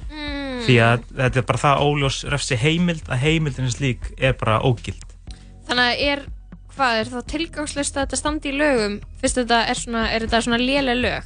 Eða þú Mm, veist? ég, mér finnst það frekar lélegt en það kannski þjónar einhvern tilgangi ef hellingar fólki heldur þetta og haga Mhm. sér í samræmi við það sko það er nefnilega einmitt, þú veist, fólk er eitthvað svona já það má ekki, þú getur mist þetta bílprófið eitthvað svona Það er rátt en Já, það, sko, með bílprófi það er 100% ránt. Hitt má kannski aðeins debata aðeins meira hvort þetta sé það óljóst. Veistum eitthvað, eða þú veist, skoðaður eitthvað að dóma hvort eitthvað hefði fengið á sig kæru fyrir að stjórna eða reyna að stjórna hesti eða hjóla eða reyna að hjóla? Já, bara mjög góð spurning, Lóa. Ég nefnilega gerði það. ég, ég aðtugaði hvort það hefði ekkert tímann verið sakvelt fyrir sko þessa grein. Mhm. Og það er einu sinni sem var sakvelt og það var einhver gaur sem að var sérst, að að hann var að hjóla á sko reyðhjóli eða vespu. Það var eitthvað svona óljóst hvort það var. Uh, alveg viss, í mann tónum. það ekki En hann var búinn að taka helling einhver amfetamíni og var líka með, var að selja amfetamin. Og hann var Ok. aðalega tekinn sko því hann var að selja amfetamin. Á og hjóli. svona svona á, eða verstu. Ok, svo umhverfisvænt eða dópsali. Ok, við elskum hennan umhverfisvæna dópsala sem er bara hjóla út spýtið. Það er miklu betra. Ég, ég ætla að segja að þetta er, þú veist, með betri dópsunum öruglega, svona ef við, ef við horfum á þannig. Mhm. En sko, en það er alveg bannað bara sem allt annari grein, sko, sem bara sama með að keira, það er bara, ef þú ert undir áhrifum fíknefna, Mhm. þá máttu ekki keira eða hjóla eða Mhm. stjórna hesti og það er bara það mælist í þér, sko. En bara svona allir samaburðar með bíla, þá segir bara, þú veist, ef vínandamagn í blóðu aukumanns nefnir 0,50 prómilum, Mhm. þú veist, þetta er mjög, sko, skýrt Mhm. það, Já, sko, bara já. blæst eða gefur blóð Mhm. og það er bara, já, herru, þetta er 0,53 þú veist, það er mjög skýrt sko, hvað Mhm. má og hvað má ekki Mhm. ég með þó maður vita kannski ekki alveg sjálfur sko. Ok, hvað er samt eins og ef við setjum þetta í samhengi við mannin sem að raf hlaupa hjólaði á túrista já, Var hann að brjóta lög? Sko- Eða var hann Var hann að bara Já. peppa yfir sig kannski? það gæti verið kannski fylgifiskur þess sko, Já, hann hafi bara einmitt. peppað yfir sig Mhm. en svo er þetta sko, já, þetta er nefnilega dálítið skrítið því ég held alveg að svona rafhjól og rafhlöpuhjól hafi ekki alveg verið höfð í huga þegar lögin voru saman Mhm. því að sko uh, þetta með prómilinn, það á við um vélknúin aukutæki og svo er sé- sér um sko hjól og hesta og sko vélknúin aukutæki það er bara í, þú veist, það er skilgreint eitthvað þar í byrjun á lögunum og það er bara aukutæki búið afli vél til að knýja það áfram Mhm. Og er það, er það rámaslöpa hjól? þú veist, það er afli vél sem knýr það áfram sko, þannig að Ok. þannig að ég, ég held að sko það væri alveg hægt að færa bara ágættir auk fyrir því að ef þú ert á hlaupahjóli Já. með vinninu sem er á rafmagnslaupahjóli þeir eru bæði blind full þá væri þetta sagt að sko gaurin á rafmagnslaupahjólinu en ekki, Ekki þig, á hlaupahjólinu Vá. En sko, og sama með rafhjól og, og venlega hjól en hver er svona bara þín, þú veist, eins og, eins og með ef það ætti að vera sett eitthvað svona, já það má ekki vera svona mikið prómil í blóðinu, þú veist, eitthvað 0,5 finnst þér eins og að tala ætti að vera, mætti vera herri á uh, rauðhjólum og eitthvað svoleiðis, eða vera sett lög? Ég veit það mætti maður vera fullar að, að hjóla heldur en að keira til dæmis?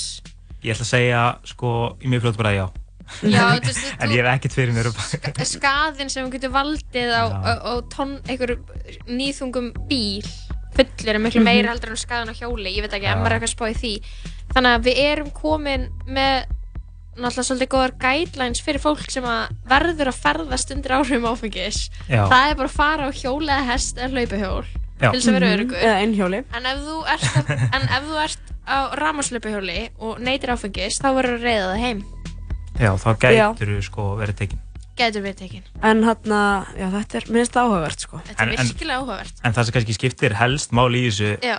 er að þú veist, löggan virðist ekki vera að gera þetta því að hefur enginn verið ákjörður fyrir þetta nema, nema spýtsalinn hjólas ok, Þannig að það er kannski helst að löggan er ekki að gera þetta. Löggan er ekki að framfylgja þessum lögum uh, Eða ég meina kannski er hún bara að gera það og heldur að hún er ekki ákjörður fyrir þetta. Mhm. Sá, Sér sammála mér, sko, það getur líka verið hvað er þá það? þá bara, er það, getur einhvern veginn sagt að þú ekki ákært nei, mm, Jú, eða þú getur sko sektað og ef ykkur vill sem sagt, ekki una sektinni þá þarf að ákjæra þig sko. Já.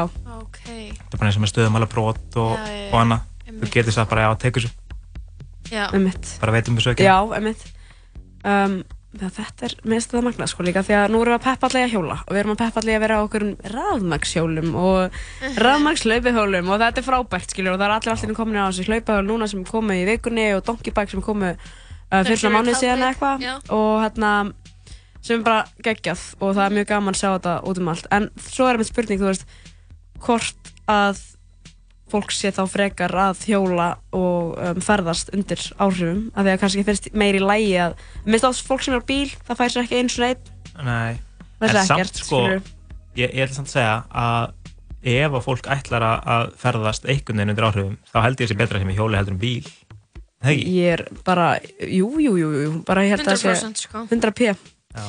Ég sko, ég var að muna núna Já. að ég rætti þetta einu svona við löggu Já. Undir áhrifum, löggan var ekki á vakt sko. Var löggan undir áhrifum eða varst þú undir áhrifum? Við vorum báðir? þið voru báðir undir á áhrifum. hlaupahjóli líka Við vorum að fara úr partí í gamla vestfæðin niður í bæ.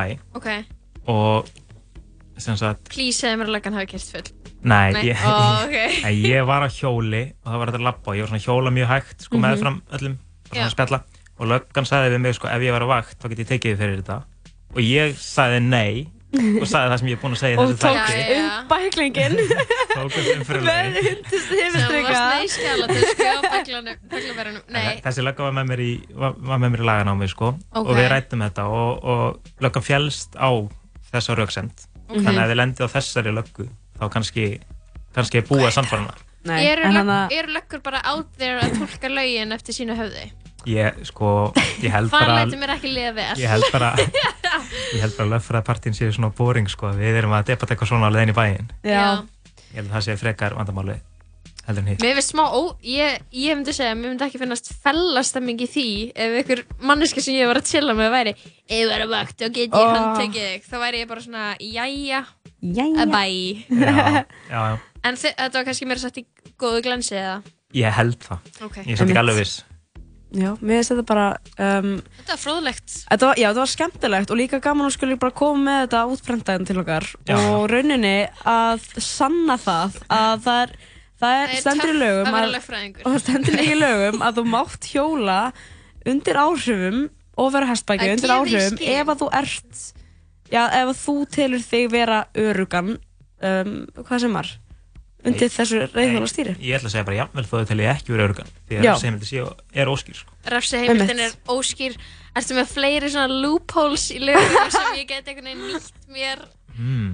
Um, hvaða, er, ertu með eitthvað svona lög sem þetta er í hug? Það er bara svona ógeðslega óskýr refsiheimild. og má reka mann út í strætó ef maður uh, Öskrar. nær ekki að borga og er það rétt að löggan þarf alltaf að skvilla manni heim ef maður byður um það? Löggan má ekki segja nei. En að Ég rétt að löggan þarf alltaf að kemur henni. ég er þetta einhvern tíman að löggan má ekki að segja eitthvað herrið þannig að ver- getið þið skvilla mér heim? Getið þið bjargað mér heim? Eitthvað svona fyrir, það er stór mjörur að það milli hvort það getið bjargað eða skvillað. En þau megi ekki segja nei ég, ég held að það sé ekki rámt sko, nema þú ert að verða úti bara Já, ok. svona, ok, að þeir eru komið Er, skrýðandi er það í lögum að það má ekki neyta mann um vasklas? Uh, ég held að sé hverki í lögum en ég held að sé bara svona almanna réttur Stjórnarskráni? Nei. Ok. Nei, ekki heldur, ég held að sé svona óskrif, óskrifið regla það, er- það er nóg að þeim sko önnur svona aðsend spurning uh, má segja nei við að þú veist ef maður þarf að komast að klósa textar og þú veist bara eitthvað má ég komast að pissa hérna inni segja Ég mér eftir í bæ og þú eru að fara að pissa eitthvað starf skemmtist að ég held að megi alveg sko en þú er kannski smá douche bara ef já, ef neytar fólk er að nota bara svona í röðum skilur eitthvað svona ég þarf að komast inn í að pissa á mig Á eitthvað jamminu? já. já þannig, já Mhm. ég held ég myndi að segja nei stundum sko Mhm. ef fólk er eitthvað svona að reyna að smigla sér eitthvað Ok, Pétur, fleiri spurningar. Þetta er núna smá Anna... er, ég komin í burning Já, questions þú ert komin í burning lögfræði questions. Burning lögfræði hverjum er minnst gaman að vinna með Ég með Anna, ef þú ferð í bæinn, já ferðu þá að rífast við lögguna stundum? uh, Hefur þú lendið upp á kanti við, við lögguna? uh, já, einu sinni Aha. einu sinni en löggan var ekki rétti þar Var hún ekki rétti? Nei. Hvað var það að rífast um? sko, hún var basically að handtaka fólk fyrir að vera þú veist, ég var, ég var ekki byrjað að lögfræða þarna sko. Ok, Eh, þú en veist bara eitthvað svona Já. forvitnast það var að taka Að einhverja, einhverja, krakka fyrir að vera með áfengi ekki tvítug, eitthvað svona Mhm. Mhm. og basically handtöku og skuttlaði mellum heim sko. Mhm. tók einu stelpu sem var blá edru skuttlaði henni heim sko, og pappennar var alveg brjálar og það og þetta má ekki sko, þetta er bara Má ekki tak, taka fólk og skuttla þið heim? eða þú veist, ef þú tekur mannesku sem vill ekki vera tekin og kæri einhver þá ertu basically að handtaka hana Já. Mhm. ef þú vilt, fara, vilt ekki fara með löggunni og hún tekur þig, þá ertu handtekinn og þetta var bara einhver stelpa sem var blá edru og vilt ekki fara með löggunni Já. og þú veist, mátti alveg vera úti hún var 19 ára Og bara eitru og ekkert að drekka? Já. bara fresh á því, já þetta er en, en ég sko uh, löffrækjana minn í, í mentaskóla, hún sagði alltaf að verstu óvinni löggunar, löggunar væri fyrst á slaganamar Mhm. Get ímynda ég, mér, ég, sko. ég trúi, trúi því ég mjög trúi vel því svo vel já, en Fara allar löggur í lögfræði? Nei. En eru einhverjur, einhverjur löggur lögfræðingar? já, alveg, alveg einhverjar fara kannski eitthvað svona einhverja áfanga meira, meira svona um bara já, náttúrulega núna er komið hann að lögguskólinn Mhm. á Akureyri Mhm. og þau eru alveg einhverju lögfræði Mhm. Þau eru alls konar eitthvað um svona áfangum held ég sko já. þetta er áhugavert ég hérna ég væri til að fá uh, bara eitt svona special þátt þar sem við erum bara að fara yfir öll svona lítil atriði til að haksa lögguna nefnum kemur eitthvað svona mí, mí, mí, og þá ekki þessi ofta lenda í því að löggan sé eitthvað að segja eitthvað um mig en þá getum við að koma með eitthvað svona þú mátt ekki gera þetta Samkvæmt 23. grein Já. eitthvað hérna skilur Já, Það er cool. sko. Já, hana, en takk hérlega fyrir komuna, það var mjög gaman að fá að, nei, fá þig hingað og ræða þetta og við erum komið með að niðurstöðu að það má hjóla fullur Já. Já, það eru geggjaðar fréttir. en það er ekki að maður þurfa að gera það Nei, nei, ekki, bara engin skilð þess. Nei. Þannig að, ok, við ætlum að, við ætlum að hlusta lag og, svo, og, og hvaðan Pétur Martin og svo verður hérna ég og Bippa áfram til sex í dag. Ef við ekki bara hlusta á. Hipsum Haps, Blake Ski, nýjút komin í plötu þeirra. Heldur betur, hlustum á þetta lag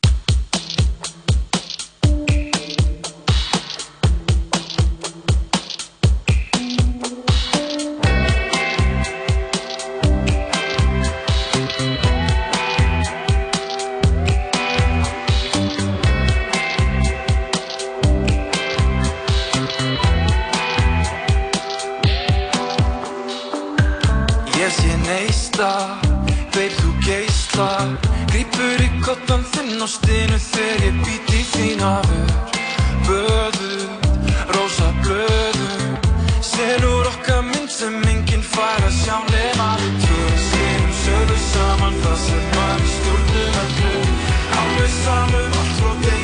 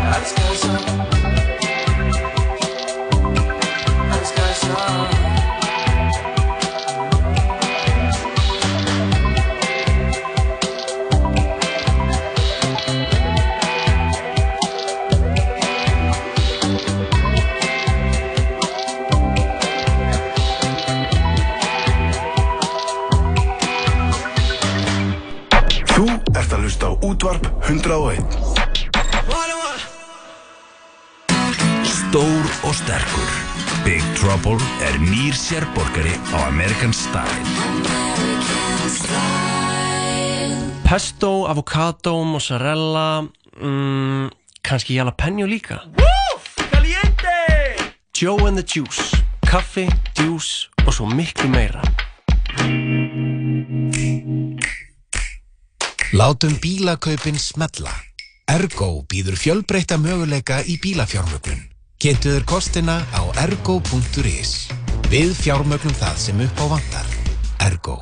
Riff, alþjóðleg kvikmyndaháttíð í Reykjavík Fjölbreytt, sólrík en jafnframt skuggaleg hátíð.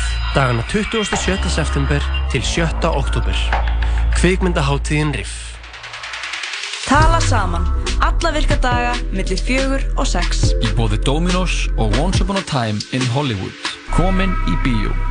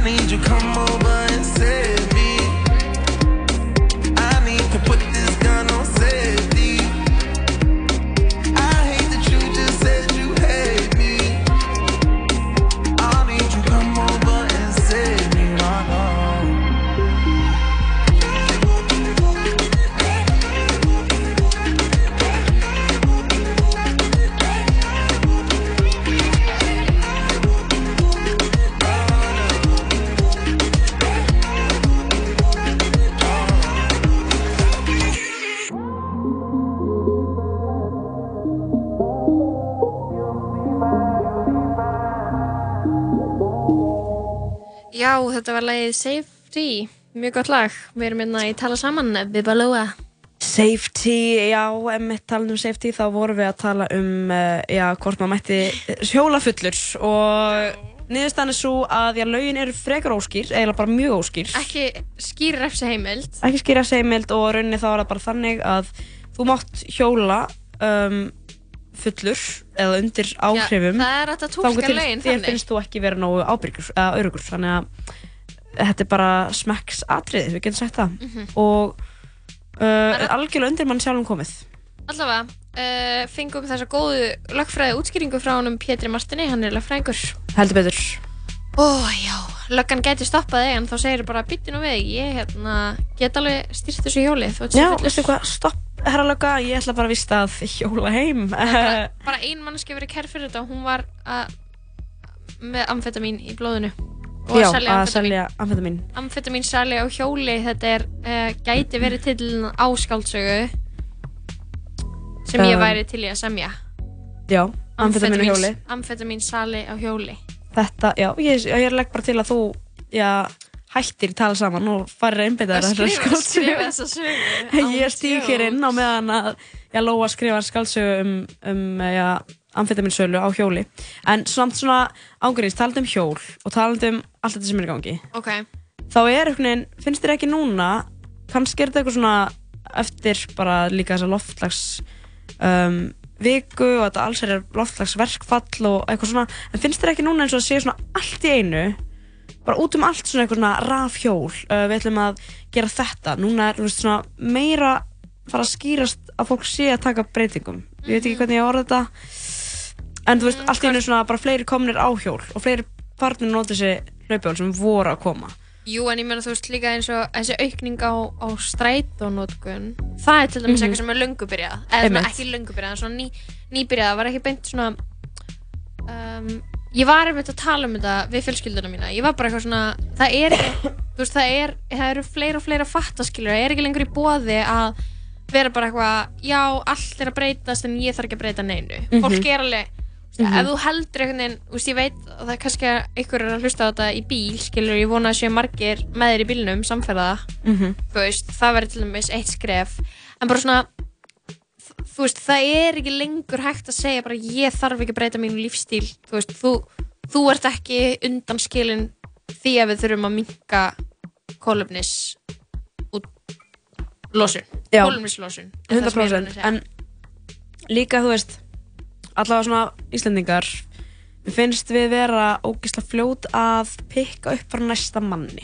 skilur, það mikið, kemur við eitthvað svona trend, sko. við elskum trend, við elskum þegar kemur nýtt mataræði sem að trendar og maður bara er þú á keto, skilur eitthvað hérna þannig að Mhm. við elskum þú veist, þannig ég vona svona smá að það gerist núna og mér Mhm. finnst það smá vera að gerast fólki finnst mér töff að vera að fara einhverjar aðra leiðir fólk er minna að peppa bílinn, skilur það er engin eitthvað ég er bíl og ég bara, þú veist, þannig lifi ég. Ég er með swag, skilur, það er miklu fleiri sem Mhm. er að peppa allt annað og það er mjög mikilvægt. En að því nú var líka þessi samgöngu sáttmáli um, undirritaður í síðustu viku.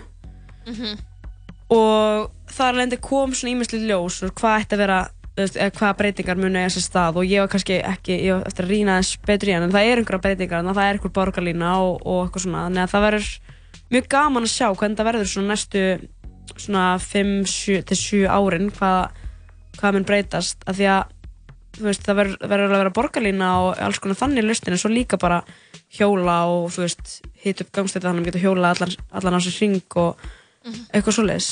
Algjörlega. Þannig að mér finnst þetta mér finnst þetta bara pepp, ég er eiginlega alveg að segja það veist, að Já. við erum alltaf búin að vera svo neikvæð og við erum alltaf að tala um eitthvað svona hvað við sökkum öll og eitthvað svona, þetta er allt svo erfitt en ég held að hugafarsbreytingin sé alveg að þessi stað og fólk sé meira til í þetta.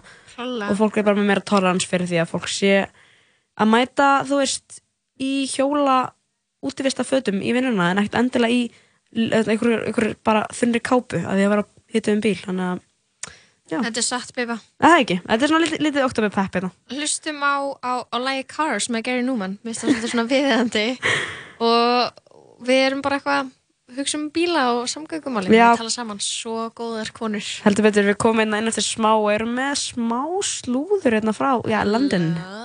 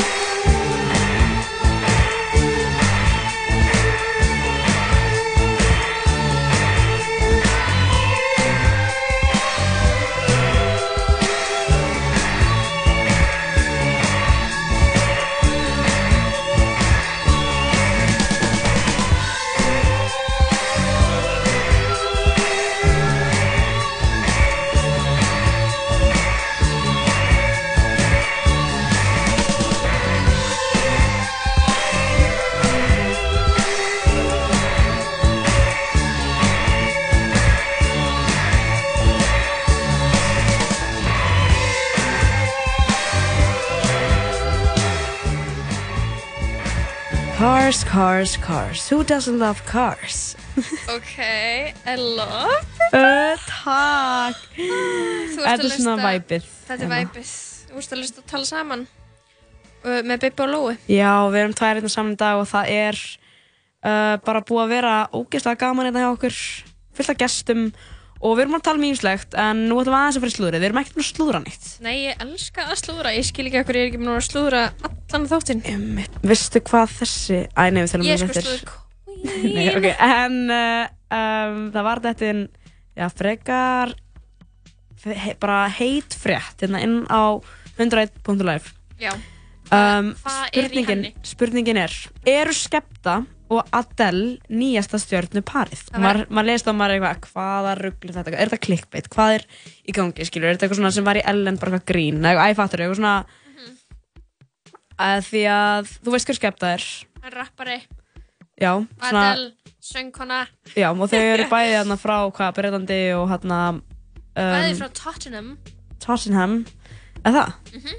En Skepta er bara um, frábær tónlistamæður, sömulegis Adele en þau eru svona að koma samt úr algjörlega sikkur senni Það eru ekki sama vibe, sko. en þau eru samt eiga samanlegt að hafa oft verið á þessum topplistum og Þau eru uh, bæði fræg. við erum bæði fræg og fjallmyndarleg en já, nú hafa byrst hugi frétta á breskum svona slúðurmiðlum þess efnis að þessar stjórnstjörnur Adele og Skepta séu að stinga saman nefjum og mér finnst það weird Sorry, I like. Og þú ert sett Adele hérna undir í fíla Æ, sko, þú veist, ég bara eitthvað, ég sá þetta og ég er eitthvað, mhm, ok, mm, Já. I like. Eða þú veist, ég er bara eitthvað, mér finnst það del næs, mér skefta næs, það er bara næs. mm þau En ég veit að, þú veist, Mhm. ég veit að þú myndir, þú myndir halda að hann myndi vera með eitthvað svona gælið sem er eitthvað, uh, hérna skilur bara eins og En nei, hann fýlar að del. Ok, ok, hann það- Adele en ég skil það, væntar að fílar Adele hún syngur óksla vel, hún er fyndin hún er mjög fyndin, hún er mjög falleg og Hún er heit. hún er hot as ok, allavega, heldum áfram Ok. hérna, Adele var sérst að sækja um skilnað núna fyrir september frá einn mann sínum, sínum hérna Simon Konecki Já. veit ekki alveg hver þetta er en þau eru búin saman í þrjú ár og uh, Og hún er bara eitthvað hérna. Hate to turn up out of the blue uninvited back Couldn't stay away, I couldn't fight it. I had hoped aðalega er bara já, hún hérna svona líður henni akkurat núna, við kannski fáum að hlusta bara að háa að kapla núna og komum þeirra. um eftir smá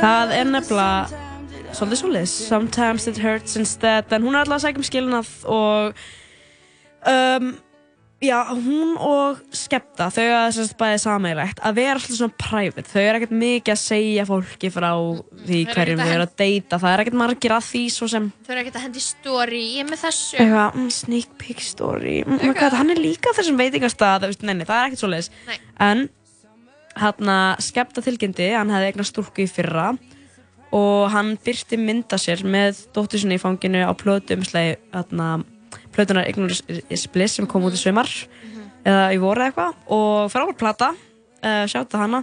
En rapparinn kom fram á Íslandi fyrir nokkrum árum og uh, hann hefur alveg verið orðar við að vera með deyta ykkur svona um, æ, bara ykkur svona gælur eins og ofumótilið þarna Naomi Campbell Sem er, sem er líka ylvatn sem ég tengi helst við ylvatnið já, hún var, hún svona 90s model, sko.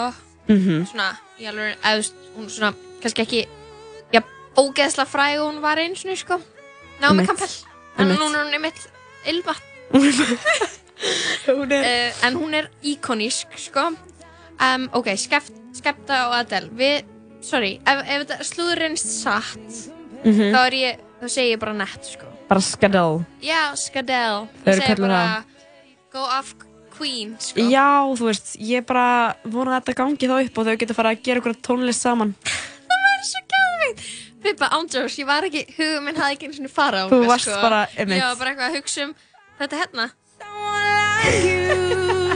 Yo Ey, London. Getur ekki með smá rapp yfir þetta Nei, tjók Uh, en já, það væri nú alveg gaman. En ég væri til að heyra eitt gammalt gott frá uh, Skepta og... Er það shutdown? Það er shutdown, nei.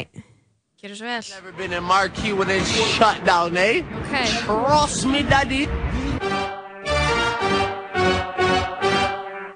Yeah. Hey, man's never been in when it's shut down. That's not me and it's shut down. Ring ring pussy, it's shut down. Fashion week and it's shut down. Went to the show sitting in the front row in a black tracksuit and it's shut down. Touch the road and it's shut down. Take time if a man want try me. No time. Usain Bolt when I run up on stage, I pick up the mic and it's reload time. Don't know your songs, but they know mine. That's why I got gigs just like Joe Grind. After the show, I'll be rolling mine. Don't care about the no smoking sign.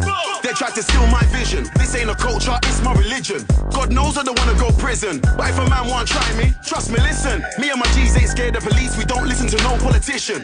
Everybody on the same mission, and we don't care about your ism and schisms. Cause it's shut down. That's not me and it's shut down. Ring ring pussy, it's shut down. Fashion week and it's shut down. Went to the show sitting in the front row in a black tracksuit and it's shut down. Touch the road and it's shut down. Boy, better know when it's shut down.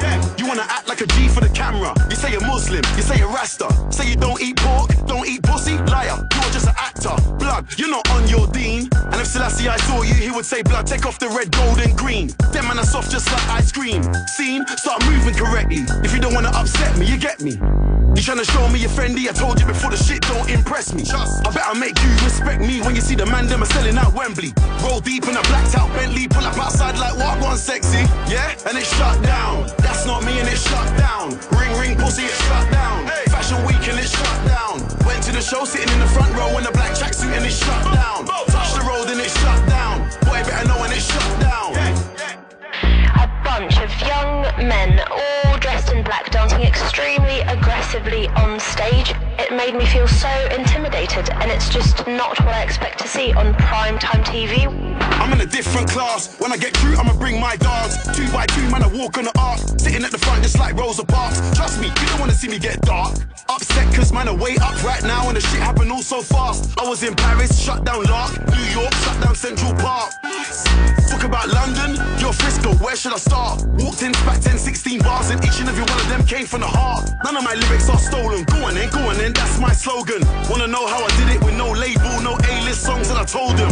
Blood, I just shut down. That's not me and it's shut down. Ring, ring, pussy, it's shut down. Fashion week and it's shut down. Went to the show sitting in the front row in a black tracksuit and it's shut down. Touch the road and it's shut down. Boy, better know when it's shut down. Yeah, I just shut down. That's not me and it's shut down. And it's shut down. Went to the show sitting in the front row in a black tracksuit and it's shut down. Touch the road and it's shut down. Boy, better know when it's shut down. Já, uh, shut down shut down. Um, hefur þú eitthvað mann verið að shut down einhverju? Hvað þýðir það? Shut down the club.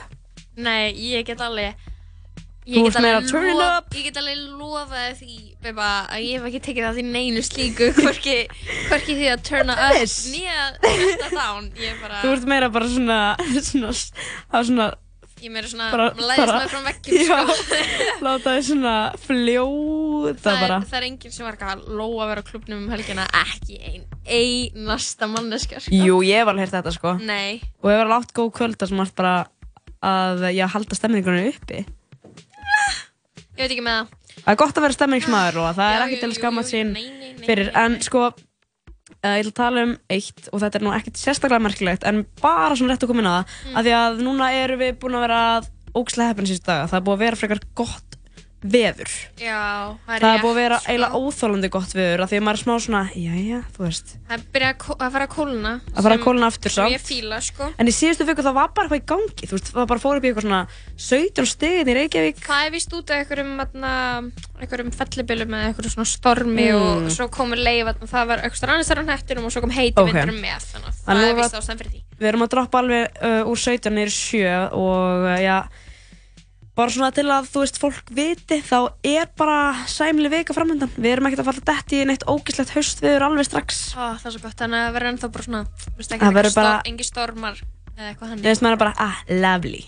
Nice maður kemur inn og maður bara, að það er lovely Ég peppast í þessu veðri, sko. Ég er bara búin að vera eitthvað, taka til og svona, og eitthvað svona. þetta er svona viður sem að maður kannski lappar í smá tíma úti kemur inn og maður er svona smá rauður á nefinu Mhm. líður sjúklega vel og maður er kannski ennþá samt bara í peysu skilur, maður er ekkert alltaf verið klæddur Mikilvægt að muna uh, þó, jú, og þrátt fyrir allt að þarna, þó að það sé ymmit uh, kallt úti að það er ennþá alveg tilvælega að nota sólaverð.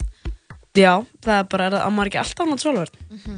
fólk er að tala um það en það er bara spáð bara fínu veðri það er að vera smá rigning, smá væta um helgina það er frekar mikil rigning laugardaginn í Reykjavík þannig að ef þú ætlar að já, kannski fara út á land það bara gerur það þetta er kannski svona síðasta um, góða helgin svo kannski verður bara svona næsta Ertu að segja síðasta góða helgi? nei, til að gera eitthvað svona, svona bústæðarting skilur að hann kemur bara frost Já, ég skil ekki.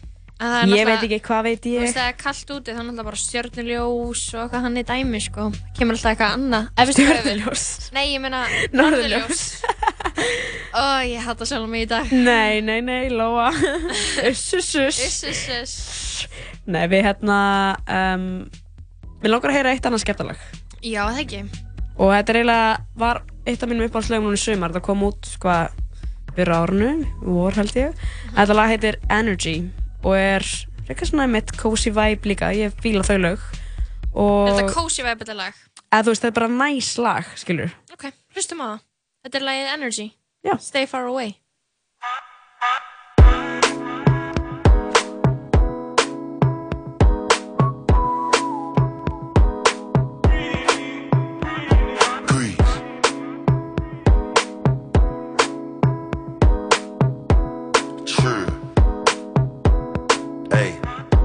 To get paid, take money, cash checks. You see the set, that's Lash, that's Dex. Young C, Young Shorty, Milcavelli, White Bricks, True Religion on the telly, it's me. Wiz got the house full of freaks, that's why I haven't been around for a week. I'm getting pounds in my sleep. I'm at the top of the mountain, it's peak.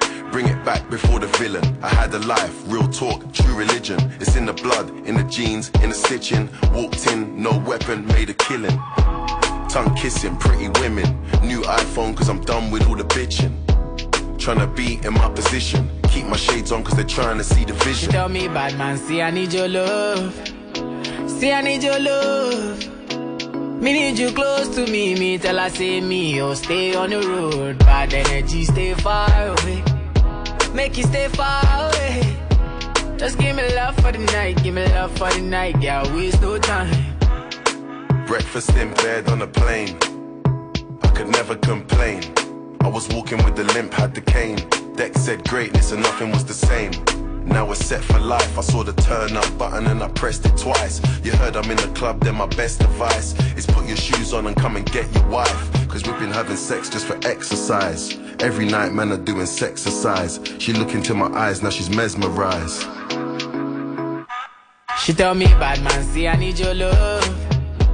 See I need your love. Me need you close to me. Me tell her say me, oh stay on the road. Bad energy, stay far away. Make you stay far away. Just give me love for the night, give me love for the night. Yeah, waste no time. Hey, they better get used to the flex. African man, you see the jewels on my neck. Black James Bond, that's the new silhouette. You see me in the street and I was moving correct. Been running around trying to do the home run. Left that girl, she was no fun. I tie one, smoke one. Big Chief Skeppy and I answer to no one. Counting my blessings, I'm feeling special. Bird's eye view, SK level. Give them the shaku when I dance with the devil. Young fella could see the return of the rebel. I told her I need some space. Real busybody, never stay in one place. And she knows I got more tricks under my sleeve. That's why she never wants me to leave. She tell me, bad man, see I need your love. See I need your love. Me need you close to me. Me tell her say me, oh stay on the road. Bad energy, stay far away. Make you stay far away. Just give me love for the night, give me love for the night. Yeah, waste no time.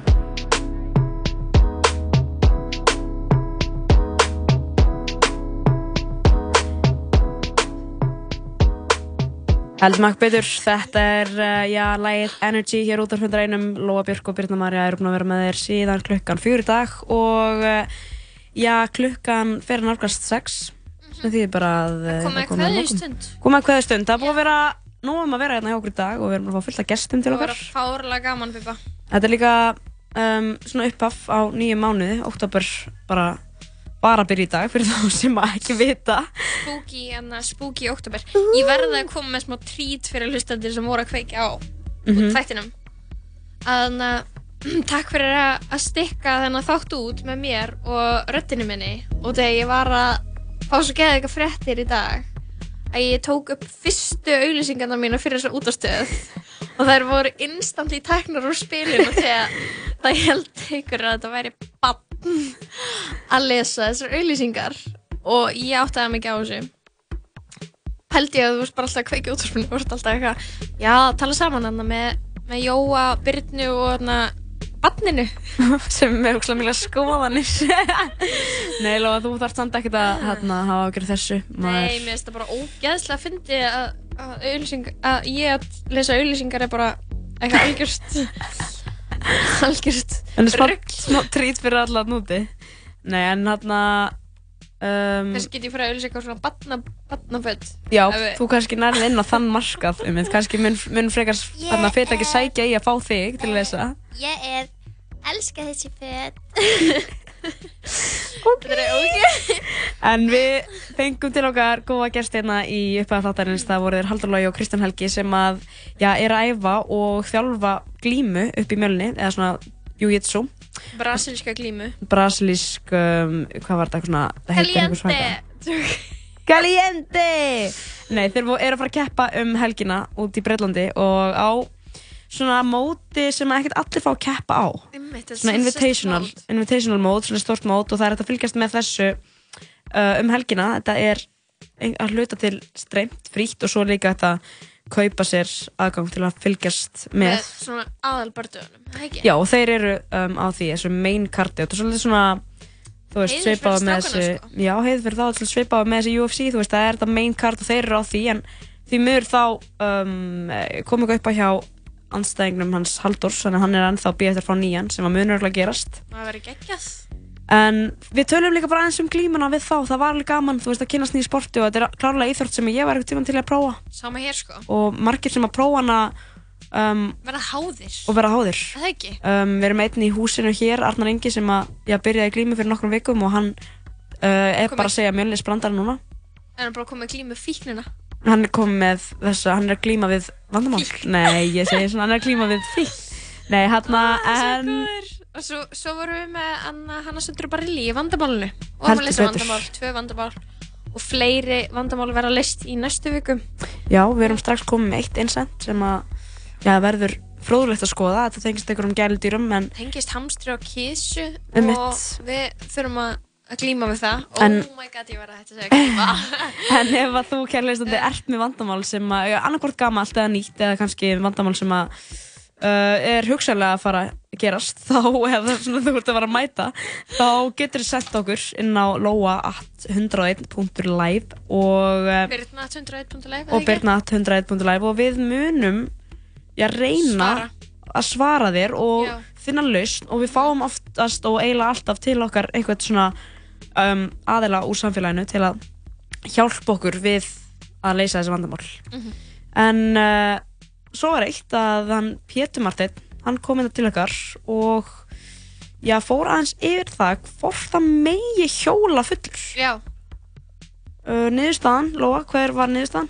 um, það er ekki refsiheimild fyrir því að- vera undir stýri á órafknúnu faratæki Já, það er hérna má sem sagt hjóla fullur. Það og má eiginlega. uh, þú getur hlustað á þennan þátt á Spotify núna eftir þetta og mistir af um, þessum fróðleiksmólum hjá Petri að þeir eru þetta er mikilvægt, hann kom líka með alls konar svona lítil loopholes.